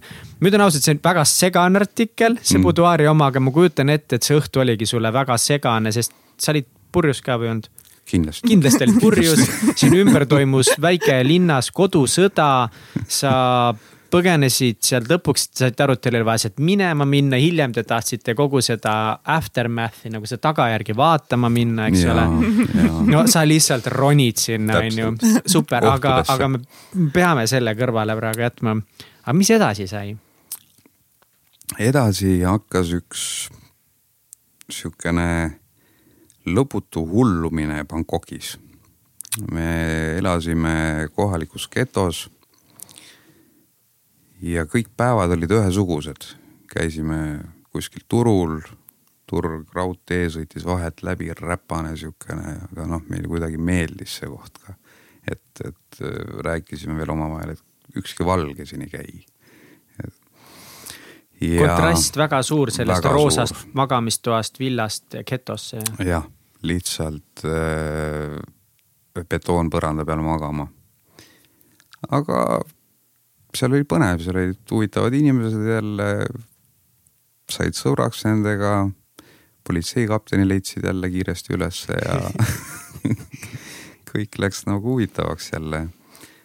eks siis hakkas saabuma neid kaineid perioode ka sel ajal ma tegin trenni ja siis sain jälle midagi korda aetud, mingisugused tööasjad ja siis sai jälle edasi elada ja. mis siis... tööd sa tegid Bangkokis? ei, ma ei teinud tööd, ma ajasin pigem igasugust äri. Jah, mis äri ja. sa ajasid ah,? igasuguseid erinevaid ärisid. kas sa müüsid erinevaid asju? ütleme, et ühest ärist võib-olla võib siis rääkida, et ta ei ole, ta ei ole nii hull, ta on pigem inimestele ka hea tegemine, et et Tai kuningriik ei lase oma elanikke välja ja meil oli üks hull hollandlane, kes pakkus kaks tuhat eurot korra eest lennureis, aga koos Tai tüdrukuga. ja võltsabielutunnistusega. see tähendas seda, et nad näitasid seda võltsabielutunnistust tollis ja nad said välja. mina käisin, tegin ka seda ühe korra, et jälle seda teravust tunda. mina sõitsin Tokyosse ja sõitsime kohale, tüdruk läks sinnapoole, mina teisele poole. aa, et, et ja see tüdruk nagu maksis raha, et riigist välja saada? jah mm -hmm., jah. ja hiljem ta natukene kasvas see äri veel seal ja siis käisid inimesed seal jah. No aitasite inimesed välja riigist põhimõtteliselt, põhimõtteliselt küll. vana hea inimkaubandus. ja, aga vaata, ütleme nii, et ega meil eestlasedki on põgenenud ühel kui teisel viisil Just. üle paatide, laevade, millegi mm. iganes vaja on, et mm. vahepeal sul on lihtsalt vaja minema saada riigist mm. -hmm. jah, eks seal nende pirmakatega oli ka, meil oli ka äriplaan, et Birma illegaale võeti hästi palju kinni. aga meil oli mõte, et me ostame nad välja, sest meil oli võimalus nad välja osta. Ja müüme nad tagasi Birmasse. võtame pereko-, perekonnalt tüki maad. iga okay. perekond, kui tahab oma inimest tagasi saada, võtame neilt tüki maad. varsti on meil päris suur tükk Birmat. et tekkis selline geniaalne idee no see siis ei saanud teoks? me õnneks ei teinud seda teoks see läks natuke rapuks vist kas sa Bangkokis elades eh, kandsid mingisugust eh, nuga või relva ka endaga või? Jaa, alati mida sa kandsid endaga kaasas? mul oli matšeete oli alati kaasas. et seal võis pimedal ajal ja midagi ikka juhtuda. et tahtlikult na, meil ei oleks keegi viga teinud, sest nad teadsid meid. aga seal liiku-, liikus hästi palju seda kohalikku narkotsi, seda jaba ringi ja noh, see tegi nad täiesti teistsuguseks, et et lihtsalt keegi teis hullunud peaga võib? hullunud peaga lihtsalt liikusid öösiti ringi, raudkangid käes ja tagusid seal üksteist ja võitlesid seal selle jaba nimel. aga mis hetkel sa hakkasid siis mõtlema, et äkki peaks Eestisse tagasi tulema, et äkki aitab sellest kogu värgist? eks see mõte käis tükk aega, aga ma ei osanud enam mõeldagi, mida siin Eestis teha, sest eh, kaugelt vaadates tundus see Eesti nii väikene.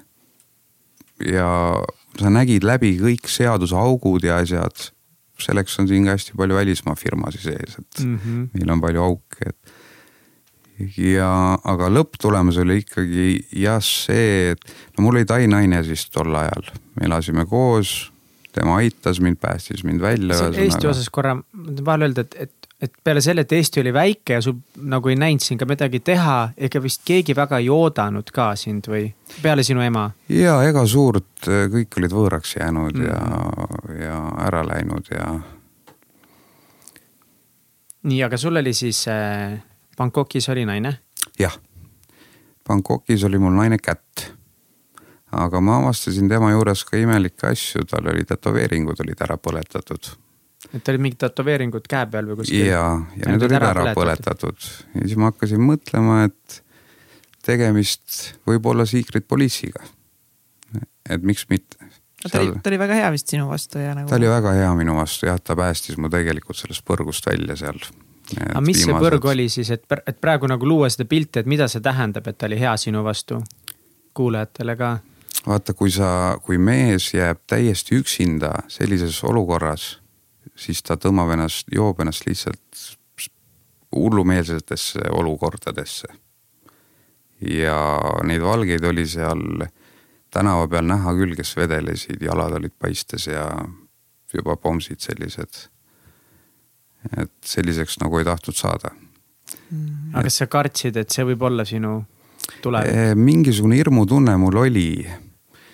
Eh, aga ma teadsin, et kindlasti minust ei saa seda, sest mul on väga tugev see alalhoiu instinkt.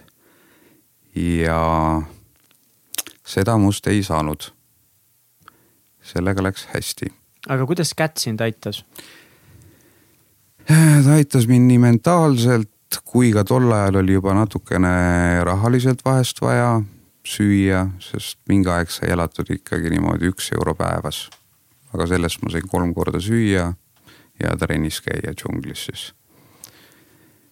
et et kolm kuud elasime vist niimoodi, üks euro päevas. väga põnevaks muutus, hoopis lahedam tunne oli, kindel oli kogu aeg kõik, sul on üks euro. aga kas see tegelikult oli ka lahedam või? ma tegin selle endale lahedaks.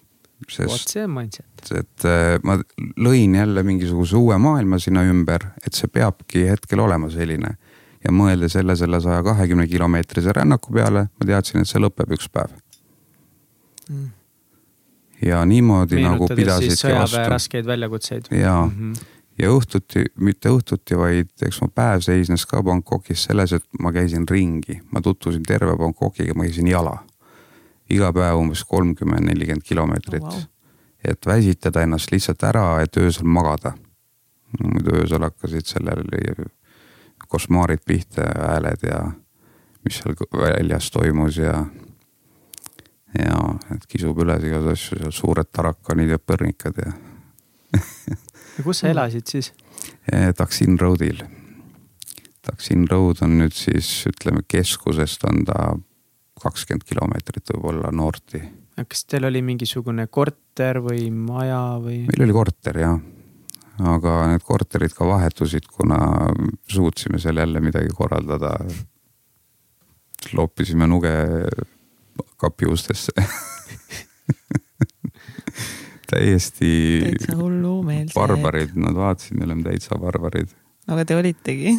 jah, täpselt, sõime suurt lihakäntsakat ja nad vaatasid lihtsalt wow.. aga tule siis nüüd selle hetkeni, et, et mis, mis siis ikkagi oli, et sa alguses rääkisid, et sa olid mõelnud küll Eestisse tulemise peale mm, -hmm. aga ei olnud sihukest head motivaatorit võib-olla midagi kuidas see lõpus kõik ikkagi jõudis selleni, et sul otsustasid need sammud teha? ma tundsin, et mul on kett maas äh, selle järgi, et üks taikas tegi friikartuli putka. Sellist asja ei ole Tais ja müüs steiki ja friikartuleid. sellist asja kuskil ei ole ja kuskil slummis. ja vaatasin kuu aja pärast olid juba rikkad rikast rajoonist autodega seal ostmas. ja ta ainult laiendas, laiendas, aga no minu jaoks oleks olnud käkitegu. aga kui ma nägin, et ma ei suuda sellega hakkama saada, siis oli kõik, siis ma ütlesin, ma lähen tagasi. tähendab, ma vajan äh, seda, et ma pean ennast ravima, jälle terveks tegema ja siis edasi vaatama. et see oli jah, see viimane tõuge, ma arvan. kuidas sa välja said sealt, sa olid nüüd seitse aastat ilma Ela... passita. ja seitse aastat, seitse-kaheksa aastat elanud Aasias, no viisa ma julgen arvata, et oli läbi ja. ja pass ilmselt oli kadunud. ja, täpselt nii. siis me läksime otsima Eesti suursaatkonda.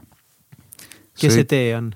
Koos oma sõbra Ramaga, kes siis elas ka neid hullusi minuga läbi seal, keda ma alati kaasas, kaasa vedasin, ta oli vanem minust ka, et aga noh, merejalaväelased maha ei jäta üksteist, et. kas see oli see sama sõber, kes seal läbi peksti ja? jah ja., just mm, -hmm. just.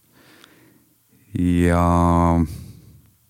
sõitsime siis taksoga ja vaatame, aina hullemaks läheb, sest lumm läheb ka aina hullemaks kui meil. Prügimäed ja, siis kuskil prügimägede vahel oli Eesti lipp paista, aga see oli tagurpidi. siis me läksime sinna majja sisse ja rääkisime oma loo ära ja siis saadeti meile Eestist A4. aga kas need, kes seal olid, et kui Eesti lipp oli tagurpidi, siis need eestlased küll seal ei olnud? ei, ei, need olid kohalikud. ja nad ei osanud eesti keelt sõnagi mm. -hmm. ja saime siuksed A4-d, kus olid meie pildid peal. ja nendega pidime siis tagasi tulema. Mitte ja, midagi muud ei olnud, lihtsalt teie pilt? mitte midagi muud ja siis trahviraha, et see kakskümmend tuhat pahti ära maksta lennujaamas. no me lootsime, et me saame kergelt aga trahvirahast selle eest, et te olite oma viisat ületanud. just, just. ja viisat ületanud kõigest kahe, seitsme aasta ja poole aastaga ja mõtlesime, et mina lähen esimesena. Läksin, esimese vea tegin muidugi jälle täitsa pekkis, jõin ennast purju Läksin lennujaama ja vaatan, tuli siis minu aeg ja lähen sinna putka juurde, kus seda trahvi maksta. ja seal on kaks ilusat tai tüdrukut. ja nad vaatasid mu seda paberit ja vaatasid mulle otsa ja ütlesid, et mine kiiresti ära. muidu me peame su arreteerima. no ma läksin ära. aga miks nad su arreteerima pidid?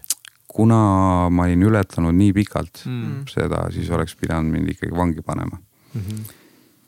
ja, ja see suur saat-, saadik või kes ta seal oli, ta pidi olema kogu aeg üleval telefoni juures, et kui midagi on, helista talle. ja mina ei saanud teda tundide kaupa kätte. hakkasin siis mööda kiirteed tagasi sõitma Bangkoki poole ja mõtlesin, et selge, et järgmine võimalus on kaubalaevaga Euroopasse lihtsalt kuskil kastide vahel, et. ja poole tee peal sõber helistab, et mine tagasi. ütlesin, mis sa nalja teed, mis ma teen seal, et, et mine turistpoliisi sa oled veel hullem peast või? aga nemad said Saadad siis mind... selle suursaadiku kätte kuidagi või? jaa, ta sai ta kätte. no ja siis oli see sõna, et usalda mind, noh, see vanakooli sõna, me pidasime sellest nagu kinni ja ma läksin tema usalduse peale siis tagasi. lennujaama? lennujaama turistpoliisi, seal pandi mind muidugi plate peale välja magama siis ma seal magasin, olin kolm ööpäeva. kolm ööpäeva lennujaamas. aga vahepeal ma suutsin välja nihverdada endale ikkagi pudeli Tai viskit hankida kuidas sa välja said sealt? ma olin hästi korralik selline, ma tõmbasin omale eh, dressipluusi tagurpidi selga, see oli teist värvi, panin mütsi pähe ja siis jalutasin seal natukene aega ringi, jälgisin neid ja siis läksin välja ebareaalne vist.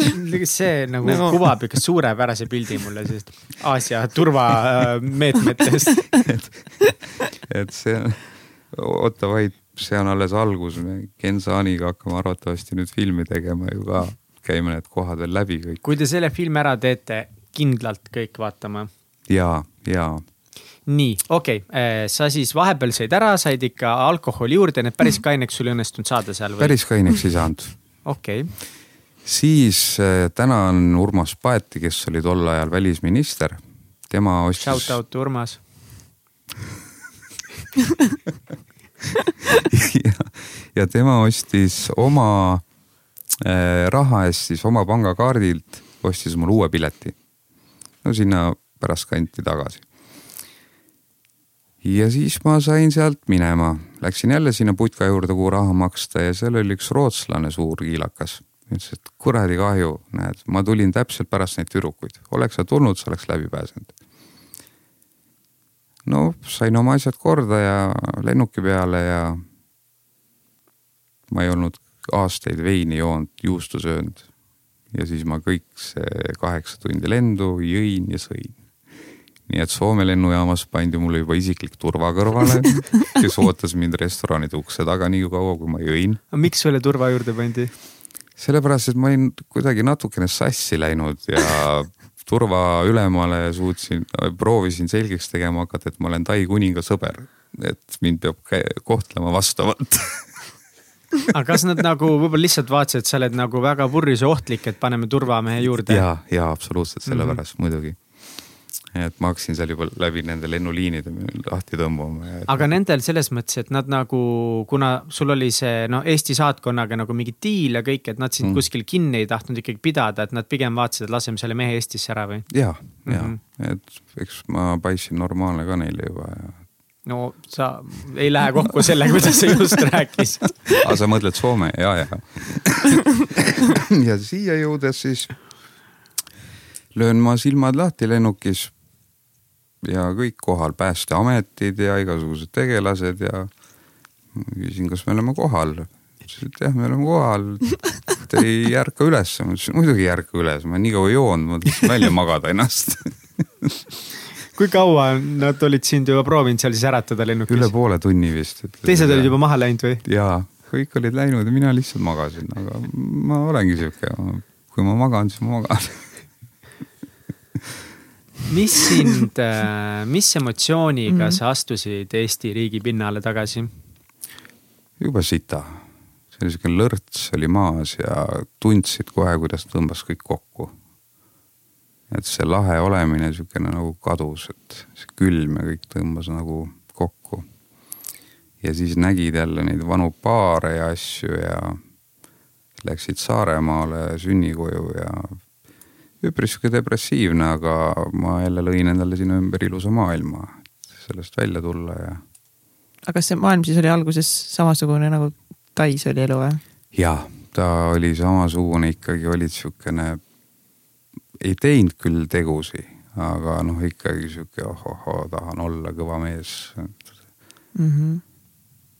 ja see jah, natukene aega see sai kesta, eks me jõime veel koos, sõbrad tulid missioonidelt tagasi ja üks sõber käis ei tea, kus sügaval ta käis, igatahes ta tuli tagasi ja ütles, et kõik nüüd tahab ennast surnuks juua ja ma küll aitasin teda, et ta ei jooks ja no need selleks, neid jõi päris palju ennast surnuks. et see on see. endiseid äh, Eesti äh, siis tegevteenistujaid. jah, sest kuna Eestis lihtsalt sõdureid, kes on missioonidel käinud, ei aidata eriti kellel siis on nagu mingisugune stress sellest. ja, ja sellest elanud. tekib mm -hmm. kõva stress ja see ei ole stress, see on hullumaja mm, -hmm. see, mis sa tal peas näed. et ja, ja siis jätsin mina selle asja, aga siis ma suutsin ennast jah korra veel haiglasse juua. see vist oli sinu jaoks tegelikult väga oluline hetk mõnes mõttes või? see oli üks pöördepunkt jah, see oli viies kord haiglas ja ma nägin seal. miks sa olid haiglas?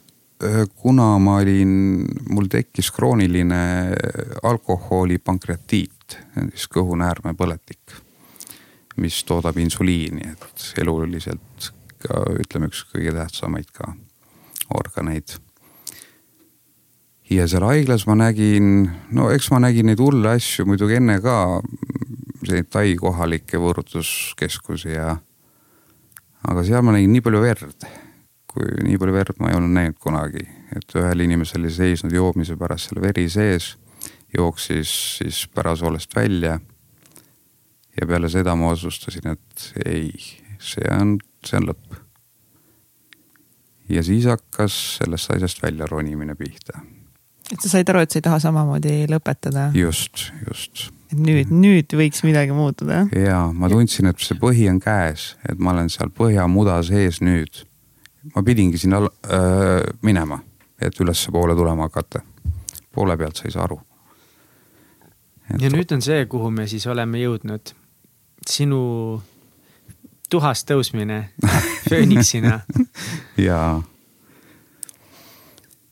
see hakkas jah huvitavalt, no eks ta jäi mul taist külge Taist jäi väga palju siukseid usulisi, ma ei jää usku, ma ei ole usklik, aga budism ei ole ka usk, vaid elustiil. et sealt jäi väga palju külge. aga see oli väline ja pisut ka sisest. ja siin sattus siis minu tee peale lõpuks minu taitsi õpetaja Ivo Illermaa, kes hakkas siis minust ma olin jälle ikka käed laiali ja hakkas must siis nagu nii-öelda inimest vorpima ümber. aga mis mõttega sa alguses tahtsid seda chi'd minna õppima? ikka, et õppida paremini kaklema. ja mis sulle öeldi? Öeldi mulle seda, et see, meie ei õpeta siin kaklemist, vaid kaklemise vältimist. Et elamist. aga miks sa selle peale uksest välja ei astunud, miks sa jäid? ma tundsin, et see on õige numeroloogia oli õige, kolmkümmend kolm ja minu sünnipäev. see on praegune vabandus tegelikult, ma tundsin, et see on õige. ma sattusin õige inimese juurde. ja nüüd, kui ma olen seda seitsmendat aastat teen temaga, siis ma saan aru, et ta ongi see inimene. täiesti. kellel on samasugused inimlikud mured, probleemid nagu meil. Ta ei kuuruta, nagu meil siin kõik käivad kuurutamas ja ingleid ja raha võtmas ja et konkreetne inimene, kes nägi, mida sellise mehega teha. et kuidas ta ära murda ja väänata seal korda kuidagi. kuidas ta tegi seda siis, mis on need praktikad, mida te tegema hakkasite? seal on vabastavad hingamised ja ütleme, tai chi on sihukene sajandeid pikk harjutuste kompleks, mida siis taomungad on sajandeid proovinud, et kuidas käe üks sõrme üks asend mõjutab mingit muud organit sinu kehas. et seal ei ole mitte midagi muinasjutulist. ja seal on teatud harjutused, millega minnakse järjest sügavamale, mida lõdvemaks sa muutud, seda sügavamale sa saad minna. mida rohkem sa lõdvestud, seda rohkem lõdvestub sinu pea, aju sul tekib ruumi ja sa suudad oma probleeme lahendama hakata ja elu elama hakata ja ülespoole minema. et just see ruum peab tekkima. muidu me oleme, kõik oleme kinni tegelikult mm. -hmm. hoiame mm -hmm. käsi, eks ju, jalgu ja magame, varbad on krampis ja mm, -hmm. aga kui sul ei ole ühtegi krampi, täiesti pingevaba, siis su elu on ka pingevaba. sul ei tule külge enam neid eh, teravusi, tulevad huvitavad head asjad, uued inimesed, lahedad inimesed. kas tai chi äh, praktiseerimine alguses et mm. noh, tihtipeale üldse, kui me hakkame tegelema end, endaga, sul oli väga suur töö ees, ma kujutan ette. et eh, kas see kuidagi oli valus ka seda, kas sa pidid läbi elama kõike seda, mis sinu elu selja taga oli või see pigem oli niimoodi, et sa alustasid täitsa nullist ja nüüd vaatame ainult edasi? ikka tuleb kõik läbi elada elus. Kui keegi tahab paraneda, siis tuleb kõik see läbi elada, mis sa teinud oled yeah sest ma naersin küll garderoobis, ütlesin õpetajale, et äkki ma ei taha kõike asju parandada. siis ta lihtsalt muigas, ütles küll sa näed. kõik tuleb korda teha uuesti. sest see kogemus, see koge-, kordategemise kogemus annab sulle juba midagi. see on nagu mingisugune next level, et oo, ma tegin ju selle ära, ma olen midagi ületanud aga kui raske see algus siis ikkagist oli, kas sa nutsid kuskil? väga raske, väga raske oli see, see tõmbas sul ikka ju kõik lapsepõlved ülesse ja need harjutused tõmbavad ülesse see. ja esimesed aastad ma ikka nutsin ja WC-s pooled harjutused ja oksendasin ja, sest mu seest tuli nii palju seda vana jama välja, et isegi suitsu ja kõike ja kas harjut-, harjutades nagu tulevad sul kõik vanad pornofilmid, õudusfilmid, kõik need tulevad ülesse. sa elad nagu uuesti läbi siis? jaa, ja siis tunned, kas see on nüüd see ja see ja uh, hirmud ja asjad ja sa pead hakkama nendest lihtsalt läbi astuma rahulikult. mõtled lihtsalt, et mis see kõige hullem on, mis sinuga juhtuda saab. hulluks ei lähe. kuidas sinu õpetaja nimi oligi? Ivo Illermaa. ja siis sel hetkel, kui sa pidid nendest läbi astuma, siis Ivo oli see, kes juhendas ja aitas sul sellel teel püsida jah, ta on mind äh, ikka väga-väga aidanud, et kui teda ei oleks, siis, siis ma oleks dead man. Shout out to Ivo. absoluutselt, see mees teeb tegusid. ja kes ähm, ongi, ta aitas sul nagu sel teel hoida, et kas oleksid võinud ise nagu võib-olla kuidagi sellelt teelt kõrvale langeda ja, ka või?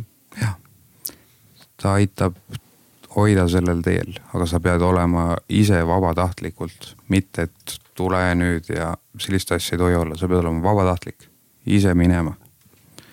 muidu on sekt mm. -hmm. tule meie sekti kui palju sa nädalas praktiseerisid ja praktiseerid tänagi? kolm korda nädalas, praegult olen natukene laisaks läinud. Äh, kaks korda, aga tegelikult on ta mul elus kogu aeg sees. mu tegevustes on ta sees kui ma jalutan kuskil, ma hingan oma kanaleid läbi, kogu aeg mõte on ikkagi tai chi et probleemide lahendamisel, suhtlemistel, asju loomisel, kunstide tegemisel ikkagi on seesama, et sa jälgid, et kõik asjad voolaksid, et ei oleks mingeid kante ja siukseid asju sees. kas sa oled täna oma sellest ähm, raevust lahti saanud? raevust ei saa kunagi lahti. ei Ra saa või? raevu saab talitseda kas sa oled selle nii-öelda siis kontrolli alla saanud? ma olen selle saanud kontrolli alla meis kõigis on raev, viha, armukadedus, kõike, kadedust, ahnust. mõnel on ta lihtsalt lööb rohkem välja, kellel on lapsepõlvest nagu puudu jäänud rohkem. ja mina olen need lihtsalt teinud failideks, tõstnud nad hästi palju, chi ongi kujutlusvõime pinnal, tegelikult on kujutlusvõime kõik. ma olen nad pannud nagu kujutlusvõimega failid ritta ja kui mul on vaja viha välja tõmmata, siis ma tõmban selle välja mingi asja jaoks, näiteks mul on vaja teosesse viha, siis ma võtan ta välja ja loon endale selle oh, ja lähed, teed selle baasilt ära, pärast tuled maha sellest, lähed tagasi rääkides teostest, siis mm -hmm. väga hea koht, kus sisse tuuakse, et täna sa oled ülivinge kunstnik.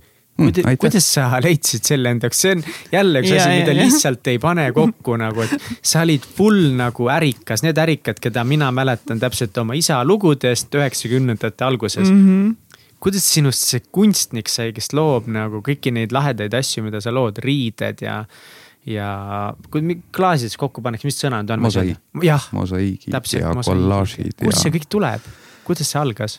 See kõik tuleb mu seest nüüd, aga algas ta sellest, et ma olin jah, sihukene suht vaimselt täiesti läbi. ja käisin oma sõbra Soho fondi juures, väga hea kunstnik.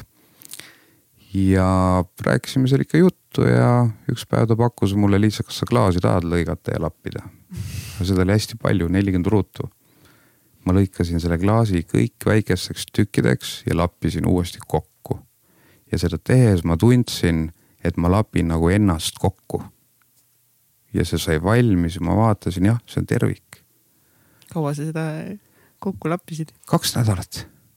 et see oli üllatavalt kiire, ma ise mõtlesin ka, et kuidas see võimalik on, nüüd läheb veel kiiremini mulle tundub suht pikk just ah,. aga no nelikümmend ruutu, no see on.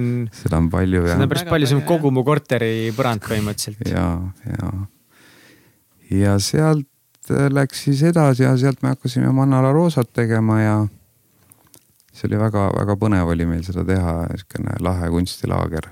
Soho fond oli seal juhendaja ja, ja sealt läks see kunst edasi.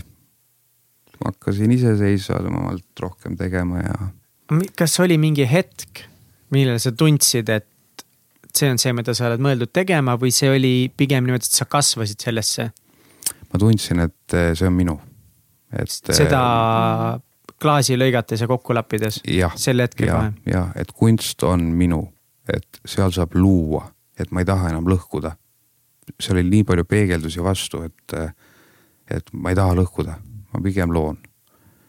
ja niimoodi ta läks. aga kuidas sa selle enda väga äratuntava nagu käekirja leidsid ja kuidas see nagu jõudis sinuni või mis olid esimesed eh, asjad, mis sa päris nagu ise tegid peale selle suure kollaaži siis? joo, sealt hakkas tulema hästi-hästi palju hakkas tulema töid.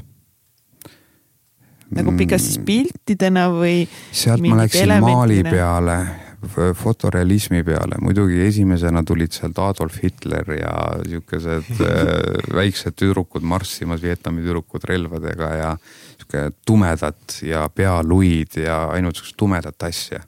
sinu enda. minu enda sisu, jah mm -hmm., minu enda sisu ja ta läks järjest nagu, nüüd ta on läinud, on nagu läinud paremaks, ruumi on, enam ei ole neid pealuid nii palju seal ja mulle meeldib see pilt, kus on see pornostaar Kristi Mäkk peal. ta on ja, väga sellest... lahe pornostaar, Kristi Mäkk ruulib. just, just. kes ei tahaks Kristi Mäkki Shout out to Kristi, shout out to Kristi igatahes ma kirjutasin ka Kristile, et eh, kas ma võin sust kollaaži teha, aga ta ei ole mulle vastanud. vaikimine on nõusolek. jah, täpselt. absoluutselt, tal ei saa midagi selle vastu olla, see on no, väga muidugi, äge teos. muidugi, selle on kihvt. nii et lähipäevil panen üles. aga sa siis ostma. otsisid ka mingeid kursuseid või mingeid asju, et kuidas siis nagu, et noh, kõik, mis, ei. ma, mulle ei meeldi süsteem mulle ei mm -hmm. meeldi kursused, kool, sest eh, seal süsteemi järgi õpetamine. et see paneb sulle mingi raami sisse nii-öelda või nagu. ta peab tulema naturaalselt su seest, et sa tunned ja sa teed. seal on õhkõrn piir, mis juhtub kunstnikel, et nad tahavad meeldima hakata. ja, ja siis on perses. kui sa tahad hakata meeldima, et müüma, et äkki see meeldib inimestele, siis on, siis on kõik et raha peale ära mõtle ja müümise peale ära mõtle, tee seda kunsti, mis su sees tuleb ja kõik. aga siis inimesed nagu hakkasid ostma sinu kunsti? ja, ja minuni jõudsid jah, kõigepealt seal. Äh, kõigepealt läksid mul Singapuri mu enda tehtud klubisse ja siis hakkasid tulema niisugused investorid ja pankurid ja rikkamas, rikkam seltskond sest neil sihuke noh, nende teema, sihukesed ikoonid. ja nii ta on nüüd siis läinud, siis tellitakse oma mehest sünnipäevaks ikooni, kus on kas kuningas või midagi ja. et väga palju siukseid põnevaid tellimusi on olnud, et samamoodi tagidega, et mehe nägu siis tuunida ära kuidagi tagi mm -hmm. selg teha ja et kõik võimalused on olemas sa, teed siis nagu e-, eritellimusel põhiliselt nagu siis asju on ju, et need on nagu. eritellimusel ka jah, jah. mida sulle endale meeldib kõige rohkem teha, on sul mingi endal lemmikstiil või? Endale mulle meeldib vitraaži teha ja, ja hetkel ikkagi kollaaži. see, millest kõik alguse sai mõnes mõttes või? mõnes mõttes sai ta mosaiigist, aga mosaiigi pealt ma läksin nagu maali peale. mis vahe on mosaiigil fotori... ja kollaažil, anna andeks, ma ei tea. mosaiik on sul kokku lapitud ühtse, nad ei pea olema ühtsed, lihtsalt ja. mingitest asjadest, kas välgumihklitest, mingisugune arusaadav mingi asi, pilt.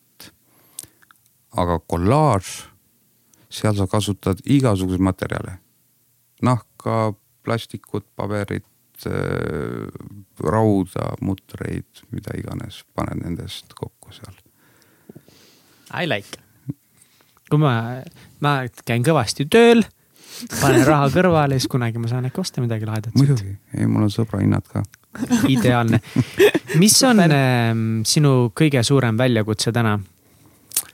minu kõige suurem väljakutse on jõuda, jõuda lõpuni ikkagi igasse, igasse riiki oma töödega. sest äh, üks õhtu just suhtlesin äh, oma sõbraga, oma hea, hea sõbraga, kelle juures oli käinud üks inimene Moskvast ja oli tema käest uurinud, no see sõber on ajakirjanik, et oli uurinud, et kes see Toivo selline on et ta jälgib mind kogu aeg ja et ma näengi, et niimoodi see asi lähebki praegu ainult edasi. ja muidugi on Instagram, mis mm -hmm. on siis see müügikoht ja. mul on üks küsimus veel nii no., ähm, mida mul on ka paar tükki. jaa, seepärast ma ütlesin, et mul on üks küsimus ja siis siis küta täiega mis on ähm,, kuidas te hästi sõnastate nüüd, mis on võib-olla nagu kõige tähtsam uskumus või, või kõige suurem uskumus või kuidagi, mis on mingisugune uskumus, mis kuidagi kõige rohkem tuleb esile, mille osas sa oled muutnud oma meelt äh, või, või mis on nagu muutunud, ma ei oska sõnastada, ma nagu tahan täpselt küsida, ma ei oska sõnastada. ma mõistan sind. jah, et, et mis on nagu kõige suurem kõige asi, mida sa usud nüüd teistmoodi? kõige suhtes, absoluutselt äh.... ja kui sa peaksid ikkagi midagi välja tooma. midagi välja tooma mida sa usud nüüd, mida sa kümme-viisteist aastat tagasi ei uskunud? näiteks inimese muutumist. inimese muutumist mina ei uskunud mm,. ja toome välja, kes sa olid kaheksa pluss aastat kaine ka olnud ja? ja, ja ma olen täiesti kaine. ja seda ma ka ei oleks uskunud mm. -hmm. et vot väga hea küsimus. näed, pani mind ennastki mõtlema vot järgmises teraapias on mul midagi arutada jälle et sa, sa jätkuvalt eh, siis käid teraapias ja ma saan aru, et sa kavatsed seda teha nii kaua, kui. ja elu lõpuni. aga miks? sellepärast, et see on väga huvitav asi ja see on väga arendav asi, kui sa leiad koos terapeudiga, koos õige terapeudiga need probleemid, mis on sul lapsepõlves. sest kõik su tänased probleemid on tulnud sealt ja kui sa need probleemid suudad ära lahendada, siis avaneb väga palju uusi uksi. su enda probleemid kaovad lihtsalt. aga millised olid mingid probleemid, mis sul lapsepõlvest esile tulid, millest sa ise ei olnud teadlik? Äh, ma pidasin ennast kõvaks meheks ja pärast tuli välja hoopis, et ema tähelepanust jäi puudu. et ema hellusest, tähelepanust, kõigest sellisest asjast ja see tegigi mind nagu siis kõvaks meheks, pidid olema sihuke uh, et näe, memmekad seal käite emaga koos, jalutate ja räägite emaga juttu seal ja ma ei tahtnud kunagi emaga linnas käia ja siukene. ja see lapse kaitsemehhanism. ja, ja eks seda on siiamaani ka tunda, aga noh, meil suhted soojenevad iga päevaga. ja, ja, eks see teekond on lõputu mm. -hmm. nii et sa soovitaksid kõigil nagu leida terapeut ja käia teraapias? no aga nüüd soovitada. no enda jah, kogemuse põhjal. Enda kogemuse põhjal soovitaks küll, see on tõeliselt lahe asi. see kahjuks meie inimesed mõtlevad, et kas kõigil hull või, või midagi. me kõik oleme peas sassis no.. terapeut tahetakse mingi psühhiaatria haiglaga segamini. just tun-, sihuke tunne. terapeut on ikka keegi, kes aitabki sul leida oma mõtetest sisu, neid koondada ja, ja panna sind mingile trajektoorile, et astuda paremad sammud homme. just, just mm. -hmm. aga mida, mida tai chi on sulle elus nagu kõige rohkem nüüd, nüüd õpetanud või mida sa tahaksid ka teistele nagu edasi, edasi anda? rahu on õpetanud nagu rahu millega, iseendaga, maailmaga? iseendaga, maailmaga ja selle enda olekuga, selle pehmuse tundega, et ma olen saanud nagu sellest krampis mingisugusest kõvast mehest lahti. et ja muidugi kõik muu probleemide lahendamised ja looming muidugi. looming on hullumeelne, mis sealt veel välja tuleb, et sellega ma tegelikult kisungi seda ainult ju välja veel rohkem ja rohkem ja. et ma võin öelda, et ta on ikka pöördunud täiu, täie, täiesti pöördunud. on sellest vanast elust. me ei, nagu ei tahagi mõelda anna andeks, et näed, ikka surusime sind täna jälle kõike seda Natuke läbi elama. surusime jah uuesti vaatama, aga sa hakkad filmi tegema, sa lähed nendesse kohtadesse, siis see on veel hullem nagu no,. see oli jumala soft siin no,, eh, mis, mis, mis meie täna Toivoga tegime. aga kui sa, aga kui sa peeglisse vaatad täna nagu, et äh, oled, oled sa rahul ja oled sa nagu õnnelik seal, kus sa, kus sa nagu praegu oled? jah, täiesti õnnelik, täiesti õnnelik ja kui tunned natuke õnnetuna, lähed stuudiosse oma tööde sekka ja teed seal, teed mõne midagi ja sa oled jälle õnnelik. või lähed, teed mõne tai chi harjutused, hingamisharjutused, põhiline meie heaolu seisneb siiski ju hingamisel mm. -hmm. kui palju meie aju hapnikku saab ja hingamispraktikaid on igasuguseid, kuidas ennast pilve tõmmata. naturaalselt. väga põnev, kui palju sa pidid läbi elama, et et äh, leida see, mis teeb sind õnnelikuks? väga palju. pidin ikka kuus aastat murdma ikka tugevalt läbi uste ja igasuguste asjade. Vahe... ja see on väärt seda? see on väärt seda, lõpuks see on väärt. vahepeal sa muutud küll nõrgaks ja inimesed vaatavad, võib-olla kuidagi nõrk oled ja nagu sihukene, aga no see ongi see vahest oled väsinud ja siis tõstab jälle ülesse ja. kas sul on eh, sellest eh, hullust eh, Toivo ajast veel täna, täna mingeid sõpru, kes on, kes on, kes teavad nii-öelda sind enne ja sind praegu ja kas nagu usuvad, et nagu, et sa oled nagu sina või et sihuke muutumine on nagu võimalik? jaa, kõik sõbrad on nagu alles ja nad on seda aktsepteerinud ja kui ei ka ei aktsepteeriks, mis mul sellest mm., et mina elan mina oma lihtne. mina järgi. me võiksime kõik, kõik rohkem elada iseenda järgi, et me nii palju mm -hmm. ikkagist sõltume teiste, teiste hinnangutest ja teiste arvamustest ja mida teised arvavad meie tegemistest ja ma ei tea, kuidas nagu sellest vaba olla, tuleb vist tai chi'd hakata tegema või? Äh, jah, mind see aitas ju ega sa sellest sotsiaalist ja sellest meediast ja jamast, see läheb aina hullemaks. vaat-, vaata, mis siin toimub tegelikult. Instagramis tõmmatakse need like'id maha, follower'id maha nüüd ja mille pärast? koolivägivald. kui sul on vähem like jaid, siis sa oled ju jobu ju mm -hmm.. jah, igal ühiskonnal ikka enda, enda probleemid ja me alati ja. arvame, et meil on need kõige hullemad probleemid. jah. enne kui me välgutama nii, hakkame. välkküsimusi tegema, nii. kas on veel midagi, mida sa soovid äh, öelda või küsida? ma arvan, et lähme välkküsimuste juurde. Lähme. Lähme, alusta suurepärane. Toivo, kas sul on äh, olulisi harjumusi või rutiine, mida sa teed igapäevaselt või iganädalaselt? jaa, igapäevaselt ma loon midagi. käid stuudios iga päev? iga päev ma loon midagi, ma pean looma, ma ei saa muud moodi. That's a first. väga lahe. aga milles sa väga hea ei ole? Ma ei oska seda praegu enam öelda sest uue baasi pealt ma olen proovinud nii mõndagi huvitavaid asju ja mul on need välja tulnud. ja milles ma väga hea, ujumises ei ole väga hea. super. mis on edu võti? mis on edu võti? rahulikkus, plastilisus.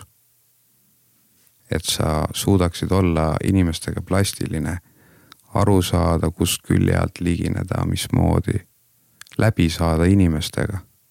inimestega läbisaamine, sotsiaalsus, kõik see. sest kui sa nendega läbi ei saa, siis sul ei ole kellegiga seda edu saavutada sinu küsimus oli tegelikult see, et ma... mille üle sa elus kõige uhkem ma oled? ma tean, ma tahtsin seda nüüd järgmisena küsida, pärast siis, kui sina küsid oma küsimuse. ma ei saanud, sest ma nagu ma noh, minu küsimus tuleb pärast seda ja mul on nagu juba mälus see, et see tuleb niipidi ja ma ei saa küsida enne seda. saad küll, nii saa. küsi oma küsimust nüüd, ei küsi oma küsimust, ma pean oma küsimust. aga küsi siis oma küsimus, küsi oma küsimus. ei, ma küsisin ära oma küsimuse ma küsisin täna lihtsalt teises järjekorras no,. ei, siis panna proovile. lepi nüüd, kas sa küsid selle ise või ma küsin ise selle küsimuse? ei, mina küsin oma küsimuse küsimusega, sa küsi oma küsimust. küsi kohe siis ära. küsi oma küsimust. küsi ära. ma ei saa kahte küsimust jutti küsida. ei no suva, ma küsin selle siis sinu küsimuse. ei tohi. mega ebaviisakas sinust ei noh, lihtsalt eh, te ründate minu isiklikku eh, perisfeeri siin, eks ole. ma sooviksin selle panna praegu siin nagu. kaeba kuskile edasi, nii. Toivo, mille üle sa elus kõige uhkem oled? oi mina olen kõige uhkem elus selle üle, et ma olen suutnud oma emaga kuidagi need asjad paika saada. sest see on, see on mulle kõige nagu see aluspunkt. ja muidugi selle üle, et ma, minust on saanud normaalsem inimene. väga lahe mis on kõige pöörasem asi, mida sa teinud oled ja kas sa teeksid seda uuesti? Äh, kõige pöörasem asi oli, kohe ma ütlen, nende vahelt on seda väga. sinu seikluste puhul seda. kõige pöörasem asi oli see, kui lõhkamiskambris seksisin ühe naisega. kas sa teeksid seda uuesti? ei, sest see on mul nüüd tehtud. aus kas, kas sa loed eh, raamatuid ka? ei, ma enam ei loe Mis raamatuid. ühe küsimuse nüüd vahele siin lambist, jah? aa ah, jaa, no näed, kogu flow on sassis. proua, küsimuste politsei okay.. politsei tuli, oli nii tõsi. enne raamatuid eh, on veel üks küsimus meil skaalal ühest kümneni, kui veider sa oled? skaalal ühest kümneni, ma arvan, et kümme. ei oleks oodanud muud vastust nüüd Mihkel, küsi see küsimus. küsin kas sa loed ka raamatuid? ei, enam mitte. selge, me tahame sulle raamatuid kinkida nüüd. super ma pean hakkama neid lugema. enam mitte, millal sa siis lugesid või? Eh, ma tahan kõike saada naturaalselt kätte enda seest. aga raamatud ja reklaamid ja filmid, need mõjutavad mind ja, ja ma ei taha olla mõjutatav aga kas sa vahepeal ei taha mingit teist perspektiivi või kellegi mingeid väga häid kogemusi, praktikaid, mida veel juurde võtta või mille üle analüüsida, et kas neid omaks võtta või mitte? Nad tulevad, tulevad välja õigel ajal. ma tahaks sellega sinust veel kunagi edasi rääkida. see on väga põnev, põnev teema. aga ja. äkki me siis ei kingigi sulle raamatut? äkki me ei kingigi sulle raamatut, me lihtsalt kallistame sind pärast või midagi. jätame selle siis kellelegi, kes vajab seda rohkem. nii et. jäätist võite mulle osta teine päev saab. jäätist. tahaks teiega, Toivo eh,, stuudiosse minna, külla. tulge. vaatama, kuidas nagu asjad käivad sul seal, kuidas see looming on ja katsuda äkki mingeid asju isegi seal. saab uh,. uh, väga lahe uh.. kuule, aitäh sulle, nagu sinu lihtsalt story on, ma ei või. no aga või. palun, noh, kõik on nii huvitatud kogu aeg sellest olnud, et siis peab ju ära rääkima. peab ära rääkima südamelt. siis ma olen avatud ja ei lugu. ole kuskilt enam kinni võtta. see on väga inspireeriv lugu Tohutu. ja see on väga õpetlik. minu meelest see on väga õpetlik lugu inimestele andmaks seda jõudu ja tahet iseendaga töötada. kui see et, nii on, siis et, ma olen õnnelik. jaa, see on, see on nii. täiega niimoodi jah mm me saame endaga töötada ja meil on vaja endaga töötada ja tulemuseks võib-olla me saame öelda nii lahedaks kui sina. Või palju lahedamaks palju lahedamaks jah, et kui juba Toivo on suutnud niimoodi muutuda, siis nagu miks sina ei suuda? kõik Ongi. suudame. me kõik suudame. aitäh sulle inimest. nii väga, et sa olid Teiega. aus ja avatud ja siiras.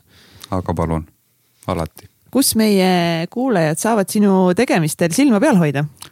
Instagramis, at Freeman pilt ja Facebookis. mis värk selle Free, Free, Freemaniga on? või Freeman või kuidas seda nüüd öelda? Eh, sellega on selline värk, et eh, Tais kutsuti mind Freemaniks. ja ma tulin siia tagasi, see nimi oli mulle kuidagi külge jäänud ja siis ma vahetasin ta ära. panin lihtsalt ta endale sinna liideseks juurde, nii et mul on kaks eesnime. aa ah,, see on eesnimi, ma mõtlesin, et see on nagu kaks perekonnanime. Toivo Freeman pilt. et siis ma saan kasutada neid nii, kuidas ma tahan.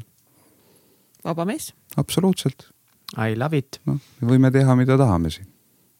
ja nagu ikka, kallis kuulaja, kui see oli üks päris põnev lugu, mida ka mõnel su sõbral võiks olla huvitav kuulata või kellelgi teisel, siis mm. jaga seda.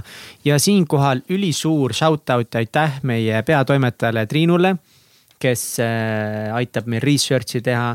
nii et äh, boom, see saade ei tule ainult siin sellest, et mina ja Kats lobiseme, vaid meid on juba neli ja kindlasti tulevikus ka rohkem. Egert aitab meil tehnikat teha. Triin aitab saadet, tehnikat teha, me ise loome tehnikat, meil on siin äh, vabrik. ja Triin aitab saateid ette valmistada ja meie Katsiga siin möliseme. aga teile, kallid kuulajad. tšau. päeva või hommikut. hommikut või ööd rahu teie südamesse